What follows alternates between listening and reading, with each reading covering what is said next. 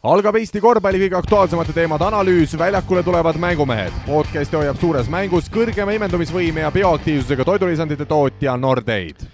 tere ja mõnusat nädala algust soovime teile mängumeeste korvpalli podcasti poolt. nädal möödunud ja paas-, paslik on taas ajada törts siis äh, kossujuttu ja minuga endiselt siin stuudios mängumehed Priit Vene ja Kristo Saage, tervist! tervist! Ja tervist! no kuidas siis mehed vahepeal nädal möödus, kõvasti korvpalli jõudsite ka, ka muuga tegeleda? lumi, lumi, lumi. jah, kahjuks äh, mul samad mured, et äh, lumi, lund sai lükata kõvasti, kahjuks äh, kehakaal ei vähenenud, et seda on natuke liigalt juurde tulnud, et aga noh, töiselt läks ja üllatus-üllatus, tööasjus sattusin ka pühapäeval TalTechi spordihoonesse ja mis te arvate, mehed, keda nägin? Ei oska kohe nii pakkudagi. ka mingit lume, lumeviskajat? Jah, jalad on tal kaunis nõrgad ja Tartus sai hundipassi ja Toomas Raadik jõlkus ringi, et ei tea, kas see on TalTechi tulemas.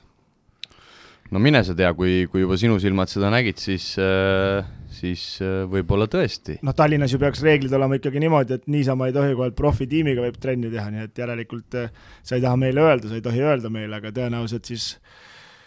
Toomas korjati jälle üles, et viimane võimalus jaa, no kindlasti äh, esimeses rubriigis sellest juttu ka teeme, aga aga enne, kui asja juurde asume, mehed, nagu Priit mainis, lund on kõvasti, olete suusa kelguradadele ka jõudnud? ei ole, kõigepealt peab lükkama ja siis alles sinna jõudma, et aga pole veel välja tulnud. jaa, et äh, suusatama kahjuks ei ole jõudnud, et äh, olen küll äh, plikaga käinud suusatamas, aga temal on suusad ja ma niisama jõlkunud, aga poisiga paar korda ikka mäes kelguga oleme alla lasknud lastega, et äh, seda rõõmu on saanud aga täna siis äh, taas kõvasti meil korvpallijuttu on ajada, nii et äh, nii et ärme siin väga leierda ja, ja asume kohe asja kallale, kondikava on meil endine, alustame Eesti-Läti liigaga siis Euroliiga jutud, VTB, eestlased välismaal rubriigis katsume saada kõne kaugele Islandisse, et äh, vestelda veidi Joonas Järvelaineniga, kes siis sel hooajal on seal kaugel mängimas. Ja saate lõpetab nagu ikka Nordeidi küsimusmängu rubriik ja, ja kõige lõpuks siis Poolsi kuulajate küsimus, nii et äh, asume aga asja kallale.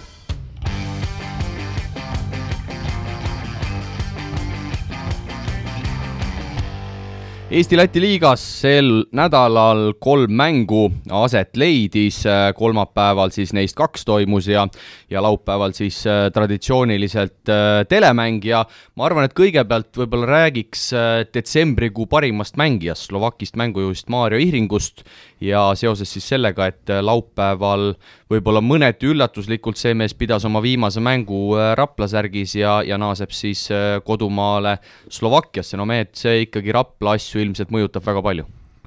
kindlasti lööb augu sisse, et äh, mängujuht oli üsna korralik ja oskas ka skoori teha ja tõmbas ikkagi oma võistkonda käima, et oli ka halbasid päevasid, millal ei tulnud midagi välja, aga noore mehe esimene, esimene debüüt Eesti liigas, ütleme noh, läks ikkagi rohkem plussi, plussi poolele, et äh, peab hakkama nüüd ootama, mis Rapla siis järgmise käigu teeb ja et see on ikkagi kõva põnts Raplale, et äh, tema seda võistkonda ikkagi vedas, et äh, enamasti, kui tema mängis hästi, siis tulid ka võidud ja teine meeskond nagu tuli kaasa hästi, et ka viimases telemängus ju said küll napi kaotuse, aga aga samas mees tegi ikkagi päris ulmelised numbrid seal, seitse vahelt lõiget ja mingit sööte oli posu ja neliteist. jah et..., jah, seal äh, laupäevas telemängus siis küll kaotati Iringu lahkumismängus Pärnule kaheksakümmend kaheksa, üheksakümmend kolm, aga no kakskümmend kuus silma, neliteist söötu, seitse vahet lõiget, ikkagi mees näitas ka oma viimases mängus, et äh, klassi selle liiga jaoks oli küll ja veel ja täiesti nõus, et äh, nüüd on jah, päris huvitav ikkagi, et kui me siin iga nat-, natukese aja tagant ikka mõne uudise saame, et Laanel on asjad Rumeenias hapud, et äkki tuleb sealt asendus või ei oskagi siin praegust spekuleerida? Jaa, nii palju, kui ma olen Annukiga siin rääkinud, siis äh, uut mängijat aktiivselt äh, otsitakse, aga noh, nagu me teame, Priit, tänases turuseisus ega, ega nii kerge neid, neid mängijaid ja eelkõige häid mängijaid tegelikult leida ei ole. Ei, ma ütleks, et väga lihtne on, küsimus on äh, rahas, rahas, rahas, rahas, et, et, et muidu ei, ei ole mingeid muresid. et jah, et tõenäoliselt seda raha, mida Raplal on hetkel äh, pakkuda ja vaba, et niisuguse klassiga asemele saada, on ikkagi päris keeruline, et äh, aga elame-näeme, ega siin elu seisma ei jää, et Raplal pusimist on. no ma küsin võib-olla sellise küsimuse teilt, et kaks no kas nüüd sarnast mängijat, aga, aga eakaaslased Maarjo Ihring ja Pärnu mängujuht Edon Maksuuni, et kumb mees teile siis seni rohkem muljet on avaldanud? No Iiring on ikka rohkem mängujuht, et, et Maksuuni on niisuguse enda skoorimise peal nagu väljas ja söötu tuleb väga raskelt ja, ja platsi nagu väga ei näe, et Iiring nagu selles mõttes jättis ikkagi nagu selle koha peal ikka sümpaatsema mulje. no nagu me kõlakatest teame, siis tegelikult olid mõlemad Pärnu vaatlejad väljas, aga Maksuuni võeti ära ja siis äh, Rannula pakkus äh, Annukile seda Ihringut ja päris hea valiku tegelikult tegi mõlema mängijaga Rannula nii-öelda, aga, aga nüüd äh, tõmbas nagu vaiba poole hooaja pealt alt ära ka. Jah, kui siin Priit äh, söötudest rääkis, Ihringul siis kolmeteistkümne mänguga kuus koma viis ja Maksuunil neli koma üheksa, no siin on hooaja keskel olnud kõlakaid, et Maksuunil on ka tegelikult ikkagi väljaostuklausel lepingus sees, ega eriti vist üllatuslik ei oleks, kui, kui mees siit poole hooaja pealt veel kuskile kõrgemale lendaks. No siin võivad hakata mingisugused äh, käigud toimuma, sellepärast et Hispaanias hakkab ka ikkagi, hooaeg hakkab nagu teise poolde saama ja tavaliselt need Leep Goldi satsid ka ennast hakkavad vaikselt täiendama ja jälgivad siin, jälgivad siin turgu ja, ja sõltub ikka hästi palju sellest äh, mänedžer müügimehest või sellest agendist, et, et mis see nagu teeb jah, ma usun, et ega sealt Pärnust väljaostusumma nüüd nii metsik ei ole ka, et kui sealt Hispaaniast või Itaaliast kuskilt ikkagi korralik pakkumine tuleb, siis on kott kokku ja minema. no küsimus on selles, et ta on muidugi Leep Goldis olnud, et kas keegi teda seal tollel ajal siis nagu jälgis või, või teab teda või tahab teda, et, et see on nagu järgmine punkt nojah, siin mingeid Itaalia jutte on vahepeal ka, ka üleval liikunud, aga aga hetkel ikkagi Maksuuni jätkab Pärnus ja, ja jätkab väga hästi, Pärnul siis kahe mängu nädal äh, Äh, eelmisel nädalal oli ja kõigepealt TalTechi vastu kolmkümmend üks ja, ja laupäeval siis Rapla vastu tegi ka tegelikult okei okay mängu, seitseteist silma, kaheksa söötu, aga aga noh, tegelikult näha on ka, et sellele mehele ikkagi päris palju on väljakul lubatud. No ega neil nagu selles mõttes alternatiivi ei ole, et äh, tema ongi põhimõtteliselt ju ainukene nii-öelda konkreetne mängujuht selles võistkonnas, ülejäänud niisugused võivad seda kohta nagu täita ja kaasa aidata. ja, ja noh, ega seal tagaliinis just ka neid käike nüüd ekstra palju pole, et, et ja kui ta enam-vähem oma asjadega hakkama saab, siis muidugi saab mängida palju. ja, ja mina tooks niisuguse näite, et kui sealt ei tule, siis Pärnul on ikka väga keeruline ja, ja siiamaani on sealt tulnud ja on võidud ka tulnud, et no TalTechi vasta põgusalt vaatasin seda mängu ja oli ju viigiseis, võid taga isegi ja siis Maksuuni lammutas seal kolmese ja nagu andis kindluse tagasi võistkonnale ja tuli see võit ära. aga Pärnu sellest tagumisest kolmikust äh, rääkides, siis äh, ikkagi Maksuuni, Valge, Rosenthal, kui sealt kolmest kaks, ütleme, teevad omad ära, siis Pärnul on ikkagi juba, juba hästi. nojah, see, see, see kolmik nagu toimub ja, ja kui seal teised mehed nagu natukene kaasa aitavad, et ega ütleme, Rannar Raab tegi laupäeval Pärnu vastu ju ka väga, väga korralikud minutid ja ja eesliinis ütleme, Kask on paar mängu päris äh, korralikult ennast platsi peal üleval pidanud, et aitab ikkagi Plausil nagu seda puhkust anda, et äh, selles mõttes on nagu mingisugused väiksed positiivsed äh, ilmingud juurde tulnud sellel võistkonnal. Ja kolmapäeval siis äh, oli kaks mängu, nagu öeldud sai, ja ja Valdo Lips siis tegi peatreenerina Tallinna Kalevi eesotsas debüüdi ja see debüüt lõppes ikkagi lõpuks mõrudalt, kaotati Raplale koduväljakul kaheksakümmend kolm, kaheksakümmend viis. Kristo, kas nägid ja mis, mis mulje jäi, kas juba oli näha mingeid muutusi? Äh, esimese poole vaatasin ära ja, ja rohkem ei näinud, et ähm, no statistika järgi, mis muutus, oli see, et äh, Karl-Juhan Lipsul siis äh, avanes kolme punkti vise üheksast seitse, et päris ulme. minule, minule kohe mõrutab pilli, aga aga päeva lõpuks esimesed lükked, mis oli näha tema käe all, mida ta üritab, oli sellele tugitoolile alla mängida, see lammutas hästi algus ära ka, Rapla poolt selleks valmis, siis, siis mis selle Uus-Meremaa poisi nimi on meil? Timmins. Timmins, jah, et see algus lammutas päris hästi ära ka, aga, ja Rossi pani mängujuhiks, mida ma panin tähele, et Ross oli nagu terve esimese poole vähemalt oli mängujuht. Ja ega see rotatsioon oli väga väike tal ja, ja, ja no kaitses ikkagi lappas, seal ikkagi oli, ei olnud midagi muutunud. Jah, ega suuri ilminguid või muutusi tõesti silma ei hakanud, et algul nagu seda joonist suudeti nagu paremini üleval hoida, aga lõpp läks ju ikkagi täiesti lappesse ja emotsioonid keesid ka veel üle ja ja kokkuvõttes ei tulnud sellest ikkagi võitu välja. jaa, ma olen ka selles suhtes nõus, ma, ma nägin küll äh, peaasjalikult esimest poolaega et äh, alguses tegelikult Timintsile mängiti väga ilusti korvi alla ja nagu sa, Priit, siin eelmises saates ka mainisid, äh, need pöörded, mingid on tal päris head ja ja ta realiseeris sealt hästi ära, aga siis millegipärast teda enam ei otsitud, et see jäi mulle kuidagi arusaamatuks ja selles osas ma ütleks, et midagi muutunud ei ole, Ross ja ütleme ka see Van Dijk võtsid ikkagi seal endiselt täiesti suvalisi viskeid mingil hetkel. no ja nemad vaatavad oma numbreid ja, ja siis selle asja nimi ongi distsipliin, et noh, kui see ära kaob, siis, siis see joonis lagunebki ära, no et, et aga Dimitsiga seoses me tegime natuke liiga Kalevile, et ta Rakvere vastu ei mänginud sellepärast, et tal oli kerge vigastus, et, et me siin pakkusime, et oleks võinud nagu pikk juures olla, aga tal oli jalaga mingi mure, et aga on sellest ilusti välja tulnud ja ma ütlen jah, et, et mõned, mõned asjad on tal päris korralikud, ikka raami sinna keskele paika saab ja pall ka tuleb, siis on nagu võimalus, aga noh, tihtipeale see Kalevi mäng ongi see, et palli ei tule. Ja mis ma nagu esimesel poolel veel tähele panin sellest, et kui Ross oli pandud mängujuhiks, ta üritas seda mängu juhtida, palli sööta ja siis Van Dijk võttis kohe Rossi rolli üle, et no täiesti tuimalt lahmis kolme peale, no täiesti mitte positsioonidelt, et et okei okay,, seal paar tükki võib-olla, kui sa kiires võtad seal mõne viske, aga vend pani seal mingi kolm-neli rünnakut järjest, pani üksipäine kolme peale, et no see ei ole ka hea märk. aga peatreener Valdo Lips siis oma poega Karl-Juhanit usaldas ikkagi päris kõvasti, esimesel poolajal Karl mängis kõik kakskümmend minutit, kokku siis kolmkümmend seitse, viiskümmend kaheksa, aga ütleme nii, et äh, noorem Lips ka tegelikult õigustas, kakskümmend üheksa silma, nagu Kristo juba mainis, kolmesed seitsmest kuus. Ja nagu naksti kapteni pael oli ka Lipsu kätte usaldatud. jah, kõik kaardid läksid praegu ühte pakki, et äh, vaatame, kaua see pakk vastu peab, et äh, ja kaua teised mehed siis seda kannatavad ja, ja aga, ja eks siin siis hakkab selguma, et kuidas siis välismängijate ja treeneri vahe hakkab minema, sest praegu oli ikkagi piltlikult öeldes neid olukordi oli üsna palju, kui mängijad mängisid täitsa omaette ja treener oli omaette, et millal see nagu kokku hakkab saama? no jaa, ikkagi kaitse, kaitse, ma mõtlen seda, et äh, ega sellele Lipsule tõsteti ka seal päris palju ära ja üldse see Tallinna Kalevi kaitsele, et äh, no neli korda pandi tühja korvi ülevalt alla, ühe korra vist oli sellel äh, pikal keegi ees, aga Rapla omad panid ülevalt alla ja nagu Rapla, nagu ma ütleks, et mängis ise nagu ka suhteliselt kehvasti, et pakkus nagu võimalust seal Tallinna Kalevile ja ja huvitav oli see esimese poole jooksul, et meie palju kiidetud äh, Siimu noorem poiss siis järsku oli kõik, et käis nagu minut-kahe jooksul nagu ainult vahetusi andmas, aga samas äh, tõi need neli punkti selle ajal ära ja ma ei tea, mis see pluss-miinus tal jäi lõpuks, sina oled selle statistika meil fänn. nulli jäi Kent-Kaarel neljateistkümne minutiga, aga aga ega väga tihti ju tänapäeva korvpallis sellist asja ei näe, et üks mees paneb äh, esimesel poolel kõik kakskümmend minutit ja, ja Martin Jurtom ju kusjuures ei saanudki tolles mängus mängida, kuigi minu andmetel mingit vigastust seal Jurtomil tegelikult ei olnud, et et päris, päris karm ikkagi, kas äh, kas siis äh, noh, ma ei saagi nüüd aru, kas, kas Lips on väsimatu või, või tõesti siis ei usaldatud Jurtomit või taheti kindlalt see esimene mäng ära võtta? noh, eks kindlasti oli üks mõte esimene mäng ära võtta, aga, aga noh,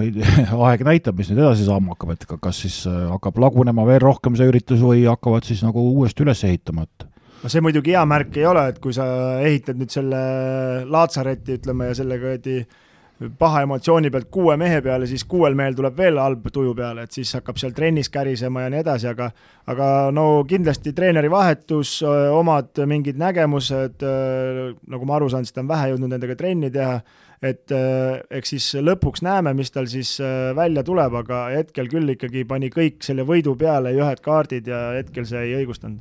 ja no nii palju, kui kuulda on olnud, siis igatahes Tallinna Kalev vaatab juba videosid, nii et äh, selles suhtes on nagu positiivne ja trenni kvaliteet olevat ka ikkagi lipsu äh, tulekuga tõusnud, nii et äh, kindlasti saab olema tegelikult nüüd neid järgnevaid nädalaid huvitav vaadata, et kuhu suunas ja just võib-olla mängupildi poolest, et mismoodi see meeskond edasi liigub.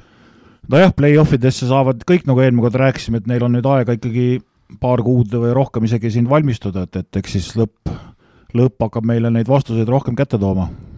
ja huvitav, kas, äh, korra segan, Kristo, kas Sinadinovitšiga on nüüd, nüüd kõik või eelmine kord oli seal kõhukotiga ilusates peenetes riietes, nagu siin Siim-Markus Post ka seda moevärki ka meil siin kõvasti jagab, et, et istusid seal kahekesi pingi otsas? ma ei tea, selg pidi olema haige, noh et see talle ka hea märk ei ole, kui kuluaarides on kuulda, et see saab kinga ka veel pealekauba ja siis nüüd hakkas selg ka veel valutama, et siis äh, siin midagi head tal loota ei ole, aga ma arvan, et Tallinna Kalevil tulevad siin mingid meestevahetused veel kindlasti ja Pärnu peab ennast nüüd äh, valmis panema, sest tõenäoliselt Pärnuga nad kokku lähevad play-off'is ja noh, arvestades seda Pärnu väristamist karika Final Fouris, siis kui Tallinna Kalev ikkagi võib-olla, kui Ross ka veel siia nüüd ikkagi Hiina või kuhu ta minema pidi või Hongkongi või siiamaani pole läinud ja võib-olla ei lähegi ära tõenäoliselt, et siis vaatame, mis siin välja tuleb no minu teada Ross äh, enam lahkumas ei ole, aga noh, me oleme siin korduvalt eelnevate saate jooksul ka maininud, et ta läheb ja siis ta jälle ei lähe, ehk siis me ei hakka siin mingit seisukohta võtma, aga, aga viimane info pidavat ikkagi olema selline, et ta mängib siin äh, Tallinna Kalevis selle, selle hooaja lõpuni, no järgmisel nädalal päris riburada pidi mänge, siin. Teisipäeval alustavad juba Tartu Ülikool, Max ja Moorits ja, ja TalTech ja, ja see ka kindlasti, nüüd kui me vaatame ette, Tartul sel nädalal mängu ei olnud, Tartu jaoks ka jälle selline oluline proovikivi. nojah, nüüd hakkame nägema siis, et kas uued mehed on rohkem ansamblisse sulandanud ja kas nad oskavad midagi üldse teha ka, et ega see on ju suur küsimärk, et, et ega me nendest ju väga, väga ei teagi, mis, mis nad selles, selle võistkonna eest nagu suudavad teha, pluss siis ikkagi Raadiku lahkumine, et, et kellelgi tekib nüüd rohkem võimalust ja kellelgi on võib-olla uued tuuled ja noh, mis selle kõige positiivsem selle juures võib-olla ja mis me saame kõige paremini pildi ette, et ega viimane mäng oli ka ju Tartu, Max ja TalTech Tartul, eks. ja nüüd äh, tegelikkuses ju täielikult äh, kontrollis mängu TalTech, viimased kümme minutit andis natukene nagu hingeõhku Tartule ja kui nad selle hea emotsiooniga tulevad, siin võib tulla, aga kui nüüd selle ka põruvad, siis on selge, et nendest välismängijatest mängumehi pole ja Tartul äh, minu info kohaselt juba uus mees Käps pidavat olema kerge vigastusega kimpus, et et tundub, et seal võib-olla need äh, rasked treeningud äh, lõid kohe kuskilt nõrgaks ja, ja andis järgi. no kui mänguks üles kosub, siis, siis on selline mees, kes trenni ei armasta teha, tahab mängida ainult, aga no see krimpsus näost rääkisime juba eelmine kord pikalt, nii et, et, et ju siis midagi pole vahepeal muutunud. jaa, et äh, kuuldavasti seal äh,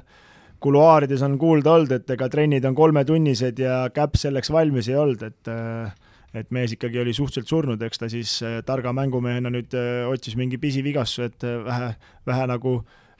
passida, aga, aga, aga vaatame, eks see mäng annab selle pildi ette ja ega oleme ausad, me oleme juba jaanuari teises pooles ja siin on kuu aega ainult aega veel neid mehi vahetada ja siis on ju kõik, pannakse uks lukku ja siis nendega pead lõpuni minema nii et järgmisel nädalal päris palju mänge, teisipäeval juba öeldud, Tartu TalTech, kolmapäeval kaks Kalevit, Graamo Tallinna Kalev, reedel äh, Tarvas Rapla, nii et Tarval ka siis päris pikk äh, mängupaus näis, näis, kui äh, suure jälje see nüüd Rakvere meeskonnale jätab, sest et eelmise nädala mäng Graamoga jäi ära. kellega mängis Tarvas? Tarvas kodus Raplaga ja Rapla nüüd ka ilma Ihringuta esimest korda. ja Tarva poisid, ma siin nüüd ka võtsin endale kätte, et mõtlesin, hakkan trenni tegema, aga väga pole sellega jõudnud, aga ikka teevad trenni hetkel korralikult, korra, korra ikka päevas käivad ära ja õhtuti olen Aquas saunalaval äh, lätlasega istunud ja Tarvo meestega aeg-ajalt, et äh, meeleolu on neil okei okay ja üritavad ja no seal ei juhtu suurt midagi, neil on selles mõttes nagu, nagu ikka Tarva puhul, et niisugune pohhuistlik ja punt on koos, et kui pannakse saalis tuleb põlema ja kolm venda tuleb äh, saali, et hakkab vilistama, siis hakkab mängima, läheme peale ja vaatame, mis saab no aga vaatame, mis siis järgmisel äh, nädalal saab. Äh, Priidul, Priit tahab siit veel midagi Eesti-Läti liiga rubriigi lõppu öelda. ja ma tahtsin öelda, et selle Iirigu valgus või lahkumise valguses tegelikult ju nüüd tagaliini ülekaal on selgelt ju Rakvere poole, et, et äh, nemad on selles, selles liinis nagu kindlad favoriidid, et no, et saab nagu huvitav mäng tulema. ja, ja kui siin ennustada, siis ma ennustan, et äh, Rapla mäng kukub selles mõttes ikka kolinal kokku, et kui nad muidu viskavad seitsekümmend viis, kaheksakümmend punni, siis see nüüd hakkab, ma pakun, et kuuekümne peale, et Ihringu osakaal ikkagi nende söötude leidmise ja ja viskele nagu teravuse ja enda visetega ikkagi see marginaalselt, ma arvan, muutub, et hakkab niisugune mudamaadlus nagu oli TalTech äh, Tarvas siin äh, sügisel. Ja olgem ausad, äh, mingid mängud ju Rapla on sel hooajal ilma Ihringuta mänginud ja ja tegelikult ju piltlikult öeldes rohkem mängujuhti ju Raplal ei olegi, siin on üritatud ju Sutiga, aga olgem ausad, need mängud, mis Ihringuta mängiti, need olid ikkagi paras katastroof. no ta oli katastroof ja see punktisummad olidki täpselt nagu Kristo ütles, alla, alla kuuekümne minu arust jäid isegi seal paar korda ja no telemängu juurde veel korra tulles, siis äh, Sutil on ikkagi kombeks ära kaduda, et äh, viimases mängus kadus ka ära, kas neli punkti tõi ainult ja, ja ikkagi e, noh, see, et sa viskad neli punkti, pole probleem, aga, aga pigem ütleme, et sa nagu ei ole ak aktiivne ja agressiivne ja tal on nagu lund tuppa tulnud kaitses ka kõvasti, noh. aga Eesti-Läti liiga lõpetuseks üllatus oli ka meil eile. jaa, suur pauk käis Lätis. vaatame, kas teab. jaa oled kursis? paned mind jälle proovile, Leep-, Leepa võitis võõrsil VEF-i. jah, et äh, ikkagi seal ka mingid puhkehetked ja võib-olla siis niisugune äh, madal langus. jaa, kindlasti äh, üllatuslik tulemus, eelkõige arvestades, et äh, et Liepaja võttis VEF-i ära võõrsil, aga, aga liigume siit edasi ja Euroliiga siis topeltvooru jutud ootavad meid ees korvpalli Euroliiga kuumimad teemad aitab mängumeestel teieni tuua Eesti Kütusepank, Terminal Oil. Euroliigaga sellel aastanumbril toob meieni Terminal Oil ehk siis meie sõbrad Lõuna-Eesti poolelt, kes siin vaikselt põhja poole hakkavad ka laienema. no Priit, sina oled äh, korra sel hooajal terminali poistega Saku teises liigas ka rinda pistnud, väga vist mänguks ei läinud? terminal oli pooliku võistkonnaga, nii et väga jah, ei hakanud neid mutta tampima, et, et mõtlesime, et las mängivad ikka teise poole või teise hooaja poole ka ära. Ma vaatasin, Kristo, et meie sõpradel seal ikkagi ülemäära hästi ei lähe kahjuks. no õnneks peame selle üle õnnelikud, neil äris läheb paremini kui spordis, aga eks mingil hetkel tuleb see piir ette, et kõike ei jõua teha, et aga jah, ega seal noh, sa tead ise enam, ma ise võin ka siin öelda, et kuu aega on Rae spordihoone kinni olnud, et siis viis kilo tuleb klõps juurde, et selle mahatöötamisega sul läheb aega nüüd no vaatame, igatahes äh, kindlasti tänusõnad siit terminalile, kes siis meid kolme siia Manta majasse lõbusalt sõidutavad ja, ja kellele see korvpalliasi äh, korda läheb, loodetavasti saab koostöö olema pikaajaline ja, ja viljakas, aga tuleme asja juurde, topeltvoor, mehed, äh, sel nädalal mängud teisipäeval, kolmapäeval, neljapäeval, reedel, no alustuseks oli, mida vaadata? oli, mida vaadata ja igasuguseid uudiseid tuli peale ja, ja tabel ka pöördus jälle päris korralikult, et äh, siit on nagu analüüsida küll ja alustan võib-olla sellest, et äh, Anatoolu Efesi meeskonnal, kes on nüüd hakanud ka vaikselt kosuma, äh, on uus mees rivistuses ja, ja see võib muuta tegelikult selle satsi ikkagi väga ohtlikuks. jaa, NBA-st sai vabaks Bosnia talent Zanan Musa, siin oli arutelusid, et kuhu ta nagu läheb, et ta oli, agent käis nagu välja siin mingil hetkel, et kindlasti tuleb Euroopasse tagasi ja kuulda oli, et türklased seal omavahel võitlesid tema pärast ja EFS-i ridadesse annab see ikkagi, ma arvan, korraliku käigu juurde, et äh, noor mängumees, aga staaži on juba ja kogemust on päris palju, punkte viskab usinalt, äh, et, et vaatame, mis ta seal NBA ajal siis juurde on õppinud, aga kindlasti FS-i, FS-i mängupilt peaks sellega ikkagi veel, veel kõvasti kvaliteeti juurde saama. ja et siin ikkagi EFS-i mängu puhul on viimasel ajal niisugune trend olnud, et et Misits ja Larkin korraga ei mängi nagu hästi, et kordamööda põrutavad, et kui sealt ikkagi niisugune mees veel lisaks juurde tuleb ja ja siin Bobos oli siin natukene vigastusega kimpus, viimane ring tuli uuesti tagasi ja ja no FS-il on vaja hakata nüüd pingutama, ega neil see tabeliseis väga kerge sinna kaheksa hulka saada pole, aga kui nad sinna nüüd lõpuks jõuavad ja see vanker hakkab jälle nii õlitatult käima, nagu eelmise ennem kui see hooaeg lõppes, siis äh, hakkab juba vastastel ka hirm nahka tulema. no sulle, Kristo, infoks EFS hetkel jagamas seitsmendat kuni üheksandat kohta nii Kaunas Žalgirise kui, kui Valenciaga, üksteist võitu, üheksa kaotust, ehk siis sel nädalal korralikult äh, roniti, kahest mängust kaks võitu, kõigepealt koduväljakul alistati Berliini Alba ja siis ütleme nii, et äh, saeti ikkagi lõplikult see Kurtinaitise tool läbi, ehk siis äh, FS pani Himkile paki ja, ja Riimas noh, oli ka aeg, ütleme nii no ikka pikalt äh, lükati seda asja edasi jah, aga nüüd siis sai vist karikas täis, et, et Andrei Maltsev, uus peatreener, kohalik mees, no vaatame, kas nüüd äh, Šved hakkab siis äh, paremini mängima või, või mis tujud seal üldse muutuma hakkavad või hakatakse kedagi vahetama või hetkel nagu noh, pühapäeval kaasaniga mäng nendel ka paras proovigi VTB-s, et, et vaatame, kuhu nad jõudma hakkavad no siin äh, viimast mängu vaatasin ka esimese poole ja polnudki kõige hullem see olukord ja mingi mäng, kes samal ajal panin teise mängu peale ja panid tagasi järsku kolmkümmend üheksa, kuuskümmend kaks, et järsku oli kakskümmend kolm vahe, et ega see Swed ikkagi tujutseb ka, ka seal ikkagi päris palju ja pallikaotusi tuleb ikka jõhkralt mehel peale, et on ju Euroliiga enim pallikaotusi teinud mängija, mingi neli koma seitse vist äkki oli ja ta oli juba esimene veerandaeg neli ja ja seal ikkagi Larkin tõmbas kohe käima, aga aga, aga jah, et äh, masendama seda Himki mängu vaadata, vaatame, kas mingi muutusi tuleb. no kas seal oli nüüd see näide, mehed, kus mängijad ikkagi sisuliselt tegid peatreenerile ära? me ju teame eelnevalt ka näiteid, et, et vahel lihtsalt on niimoodi, et mängijatele ei meeldi, lepitakse omavahel kokku, tehakse paar väga kehva mängu ja, ja klubi juhtidel ei jäägi midagi muud üle, kui peatreener vallandada. no see on üks, üks levinud variant jah, kuidas asju tehakse, aga, aga noh, ma ei teagi, see küsimus on nagu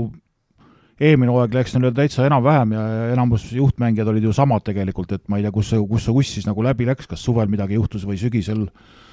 enne hooaja algust või, või, või uued mehed ei sobinud ansamblisse või noh, mingi, mingi teema nagu oli, et ei tea, et äh, eks neid põhjuseid on kindlasti rohkem kui üks. see on päris hea teooria, Siim, sul, et hakkasid juba septembrist jalga saagima, et ei, ei hakanudki mängima, et siiamaani siis lõpuks said klubijuhid aru, et aga said tehtud? jah, et kaua aega läheb, et nad ei võida lihtsalt neliteist, kaks või mis neil on seal, et aga aga no Imkil on ju vaata ridamisi probleeme olnud, et võib-olla kui oleks kohe koosseisuga, algkoosseisuga, no selle nagu täiskoosseisuga saanud mängima hakata ja oleks nagu toimima hakanud, aga no seda nad ei saanudki ja siis nüüd lõpupoole on saanud, aga ikka pole saanud, et, et seal on ikkagi, ma arvan, need probleemid on sügavamad ja aga no enam ei tahetud raha põletada. no tegelikult see algul välja ka öeldud, et, et noh, et kui ostad liiga palju piltlikult öeldes liiga häid mehi kokku, ega siis head mängu sellest ei tule ja paraku see nende üritus sinna sinna kohta ongi tüürinud, et head näited, et toodi aga mehi juurde ja lõpuks tuli see McCollum ka kuskilt veel kaevikust välja ja, ja no ei, ei kuidagi ei saanud seda üritust nagu kokku. ja Kurt United siis asendab äh, abitreener Andrei Maltsev, nagu Priit juba ütles, viiekümne kahe aastane vene mees ja no tegelikult väga kõva CV-d tal ette näidata ei ole, ta on siin olnud Spartaki peatreener juba mõned ajad tagasi Venemaa U kakskümmend koondise abitreener ja, ja pikalt, kaks tuhat viis kuni kaks tuhat kakskümmend äh, Moskva CSKA noortemeeskonna ehk siis CSKA duubelmeeskonna peatreener, et äh, mis te arvate, kas jäetakse nüüd hooaja lõpuni või ikkagi tuuakse vähe kõnekam mees sinna etteotsa? no vaatame, kes pingi peal on, et äh, mingil ajal võeti ju Trifunovitš ka sinna, et, et seal on järgmine käik on juba ette ära nähtud, et kui siin paar mängu veel Maltsev ka põleb, siis tuleb kohe järgmine mees tõstetakse. aga mulle nagu tunduski mingil hetkel, kui see Trifunovitš võeti, sest et noh, me ju teame, et Trifunovitš tegelikult on peatreener, ta ei ole ju abitreener, et mulle nagu tunduski, et niisugune varuvariant võeti sinna juba varem. no võib-olla jah, vaatavad kaugemale, sest Trifunovitšil siin vahepeal oli tervisega muresid ja, ja ta on töölt ju eemal olnud, aga eks ta siis hakkab vaikselt nagu sisse imenduma ja noh, siin see maailm on nagu selline, et, et milliste agentidega võistkonnad nagu rohkem suhtlevad ja kui me vaatame nagu seal neid rivisid, siis üks, üks agent on seal päris korralikult ennast nagu sisse söönud ja ja see tihtipeale toob, toob ka nagu hädasid kaasa, et kõik on niisugused ühe agendi mehed, siis, siis need mured nagu hakkavad juba enne pihta, kui see lõplik tulemus nagu kätte jõuab ja, ja noh, ja Maltsevil selles mõttes on ikkagi kogemust, võiks öelda ikka väga vähe, et, et, et sa oled seal Peterburi Spartaki treener Euroliigasse, see nagu kuidagi kaasa ei aita, et ja, ja hunnik äh, välismaalasi suurte egodega, et, et noh, see lahing saab päris kõva tulema no eks siin äh, ma arvan, et omanikud imkis mõtlevad ka, et ega siin Euroliigas midagi päästa pole, et eks siin VTB näitab tema jaoks koha kätte, noh et kui ta seal hakkab ka põlema, et siis kiirelt jälle tõstetakse ringi. no seda ütles juba Inki ja just kõige suurem omanik või direktor ka seal välja, et VTB on, või see, sorry, et Euroliiga on nagu läinud ja ja, ja noh, kindlasti on Maltsev tükk maad odavam ka muidugi, et, et eks siin on palju aspekte ja Imki siis äh, mõlemad mängud nagu ikka, sel eelmisel nädalal kaotas, teine mäng siis nagu juba öeldud FS-ile ja, ja esimene mäng siis kodus mängiti Barssaga, kus Nikolates pani viisteist resultatiivset söötu. esimesel poolel Imki ilusti mängus sees, aga teisel poolel Jassikevitšus ja sõbrad keerasid kraanid kinni ja Imki sai teise poolajaga vaid äh, kakskümmend seitse silma ja, ja Barcelonast üldse kindlasti rääkides, no CSKA ja Barcelona mäng, mehed, ikkagi oli oli väga kõva, mida, mida vaadata sel nädalal, CSKA kodus esimesel poolel korraks juhtis kaheteistkümnega, aga lõpuks võib öelda, et Barcelona ikkagi suhteliselt kindlast, kindlalt võõr, võõral väljakul selle võidu ära võttis. Jaa, Vene meedias Ituudis saab kõvasti puid alla, aga, aga Vatutin nagu rahustab, et, et see on tegelikult alles hooaja teise poole algus ja pikk maa veel minna ja, ja ja ega siis tulemus, tulemuseni on ikka veel väga, väga ütleme noh, kaug-, kauge, kauge tulevik, et eh, rahustab nagu maha, et pole hullu midagi, et ikka, ikka juhtub tegijatel. no jaa, aga siin ikkagi mingeid paralleele võib tõmmata, et eh, Moskvas siis Barcelona mõlemas eh, mängus siis teisel poolel keeras Vene võistkond täiesti lukku, et CSKA sai ka kolmkümmend punkti, noh, viisteist ja viisteist, kui ma ei eksi, et vaatasin selle mängu järgi ka, seda kahjuks meil telekas otse ei näidatud ja hommikul ärkasin üles, hakkasin kohe vaatama, et mis siis seal juhtus, et ikkagi CSKA korralikult äh, juhtis seda mängu ja no oli näha, et Corey Higins tuli selle võidu järgi sinna, et mees võttis väga kõvasti ette ja ja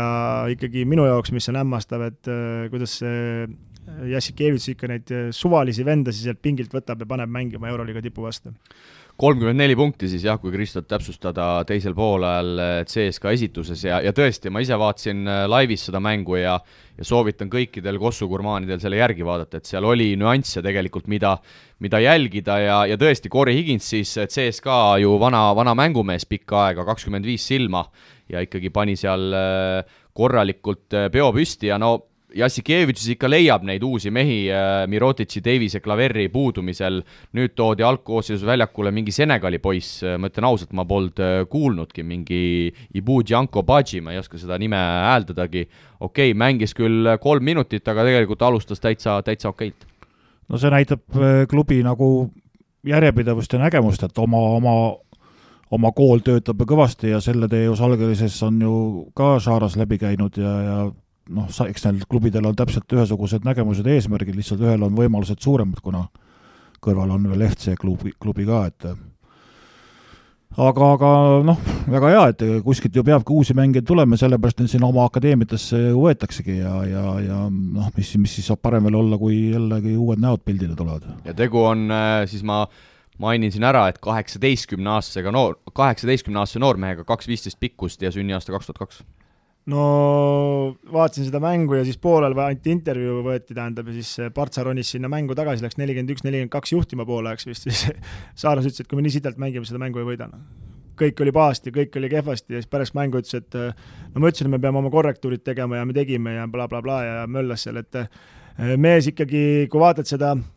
meie, minu see poiss Ronald Smits äh, vajus ju tegelikult ära, ta on ikkagi füüsiliselt päris kõva kutt ja möllab, aga kohe oli kolmkümmend minutit platsil Martines ja tegi kohe, asendas kohe ära, et seal kõik mehed on nagu valmis ja ootavad oma võimalust, käed püsti ja annavad iga kord maksimumi. Aga ma arvan, mis Jassikevitšil on õnnestunud treenerina sel hooajal, et ta on hoidnud ikkagi kõikidel meestel käed soojas, et ta nagu ongi lasknud mingites mängudes seal Martinestel, Smitsidel olla, Pustovoidel olla, Polomarodel ja kui need mehed tulevad väljakule vajalikel hetkedel, siis nad ka toodavad nii-öelda. no eks on äh, kodutöö, ütleme, et äh, vastastel on erinevad mehed, kes äh, osadel sinu mehed sobivad, osadel ei sobi, osad vastased ei sobi jälle sinu meestele, nii et äh, siin see vastastikune mäng käib ja kui sa leiad oma, igale omale mehele mingil hetkel võimaluse, siis kõik on palju näljasemad, trennid on palju kvaliteetsemad ja, ja mäng nagu jookseb, et noh, samas, mis siin salata, oli ka siin ju sal-, äh, Barssal periood, kus siin tuli kolm tükki järjest sisse, nii et et, et ega see noh, põhiturniir. Kristo, teeme triviat ka, kes Euroliiga parim kolmeste mees praegu on? no Corey Higins. ei ole äh,. Darren Hillard ei ole, Priit, äkki aitad? jaa, see on see ameeriklane, see Chase, see, jaa, vabandust, ma teadsin, see kakskümmend neli, see mm,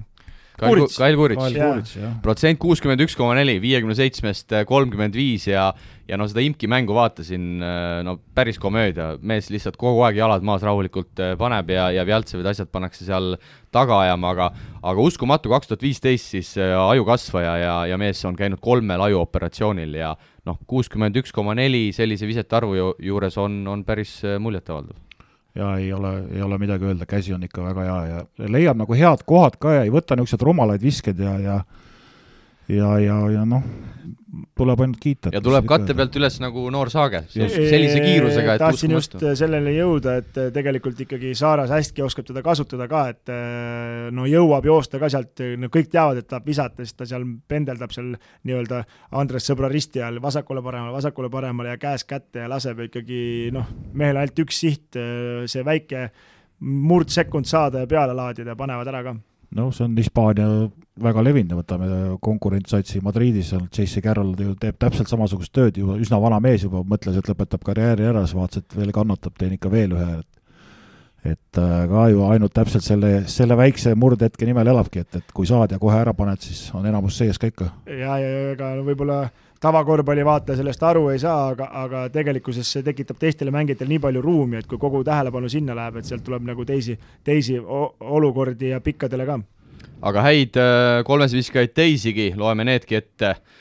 Luigi Tatome viiskümmend kaheksa koma viis, Zack Lidei samuti Milano mees viiskümmend neli koma üks, Žalgirisest Grigonis viiskümmend üks koma kaheksa ja Asveli Anton Diot täpselt siis viiekümne protsendi mees ja ja ma arvan, et Milanost võiks ka rääkida, kui siin juba kaks äh, kõva snaiprit ette sai loetud. no Milano oli siin äh, hädas sellega, et ei saadud kuidagi, äh, kuidagi koju tulema, lõpuks ikkagi koju jõuti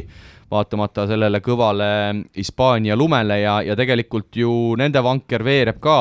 täitsa, täitsa ilusti, kaks võitu sel nädalal ja, ja Milano hetkel siis tõusnud äh, tabelis lausa viiendaks. jaa, väga korralikult ikkagi hoiab, äh, hoiab ennast tabelis ülevalpool, et äh, no midagi pole öelda, no et kui sa juba tõid välja, näed, kaks viskajat, üsna liinid on nagu paika loksunud ja, ja küll aeg-ajalt tuleb niisuguseid rabistamisi sisse, aga tulemused on tegelikult päris korralikud ja, ja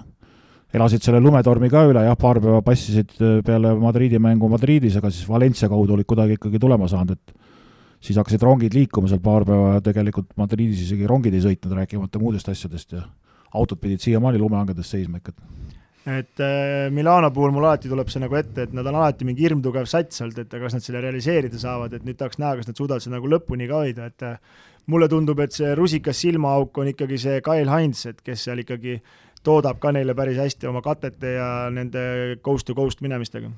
no hea, et sa Heinzi juurde tulid, äh, sel nädalal sai mehel kolmsada mängu Euroliigas täis, kümme hooaega. oskate mehed öelda, mis klubide eest Heinz Euroliigas väljakul on käinud? no olümpiaakos õige. CSKA. õige äh,. neli klubi. no siis Armani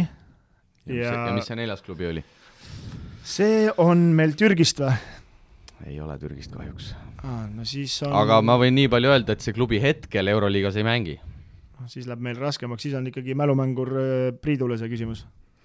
Priit, aita noorem kolleeg välja. vot ei tea, ei ole nii palju vaadanud. Bambergi meeskonnas siis äh, siis ah, jah, muidugi, Bambergiski mängis ta küll. just, ja ja kaheksa korda siis Final Fouri mänginud, neljakordne Euroliiga meister ja kahel korral valitud ka parimaks äh, kaitsemängijaks ja ja selline ümmargune tähis siis Kail Antsil, Antsil kokku sai ja nagu Kristo mainis, noh kindlasti kindlasti väga oluline lüli sel, sel hooajal Milanos, sest et Priit, mis kõige olulisem on, tegu on võitjaga see on üks asi ja teine asi see, et tema noh, kui me siin just enne rääkisime nagu Simon Sutist, Kristo ütles, et, et nägu läheb mossi ja kaob täitsa pildilt ära, siis Kail Ants on nagu selline mees, kes ilma punktideta teeb nagu kaaslase paremaks. Teeb kaaslase oluliselt paremaks, annab endast kõik, võitleb igal pool, kogu aeg on ta aktsioonis, ta ei, isegi ei pea nii palju punkte viskama, aga samas, kui vaatad jälle mõnikord, kui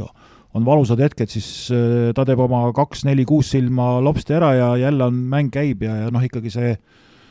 see liinide ühendamine on tema puhul ikka väga tähtis, et see praegu tegelikult äh, Vene meedias ka kurdetakse, et CSKA-st kadus see tema äraminekuga ka nagu ära, et, et tagaliin, eesliin ei leia nagu omavahel seda sidet, aga Kail Heinz nagu seal Milanos, ütleme, nende tähtede keskel on tegelikult selle päris hästi nagu toimima pannud ja ja, ja noh, mis me siin ütleme, et ega siis äh, ei ole kõige, kõige suurema staaridega võistkond, aga ikkagi praegu hoiavad kindlalt oma viiendat kohta ja, ja veel on minna siit hooaja lõpuni. Ja mul selle Kyle Antsiga on üks niisugune huvitav lugu ka, et äh, eelmine aasta käisin äh, sõpradega Kaunases mängu vaatamas, siis äh, CSKA ja Salgerise mängu ja või see oli üle-eelmine aasta äkki, ei olnudki eelmine aasta, vahet ei ole, ühesõnaga käisin ja siis olime ühes hotellis seal nendega CSKA poistega ja ja tead, sattusin Kael Antsiga ühte lifti, siis tead, ei paista üldse Kossumehe moodi välja ja ei paista üldse nagu nii suur, nagu ta seal väljakul paistab, et siis noh, dressides oli tavaline suvaline juss, niisugune meeter üheksakümmend, mis ta on, noh, päris okei okay oli kõrval seista ja siis, kui jõudsime saali, siis oli meil nende korvi all oli sees, kuidas särgi seljast ära võttis, korralik lihamägi ära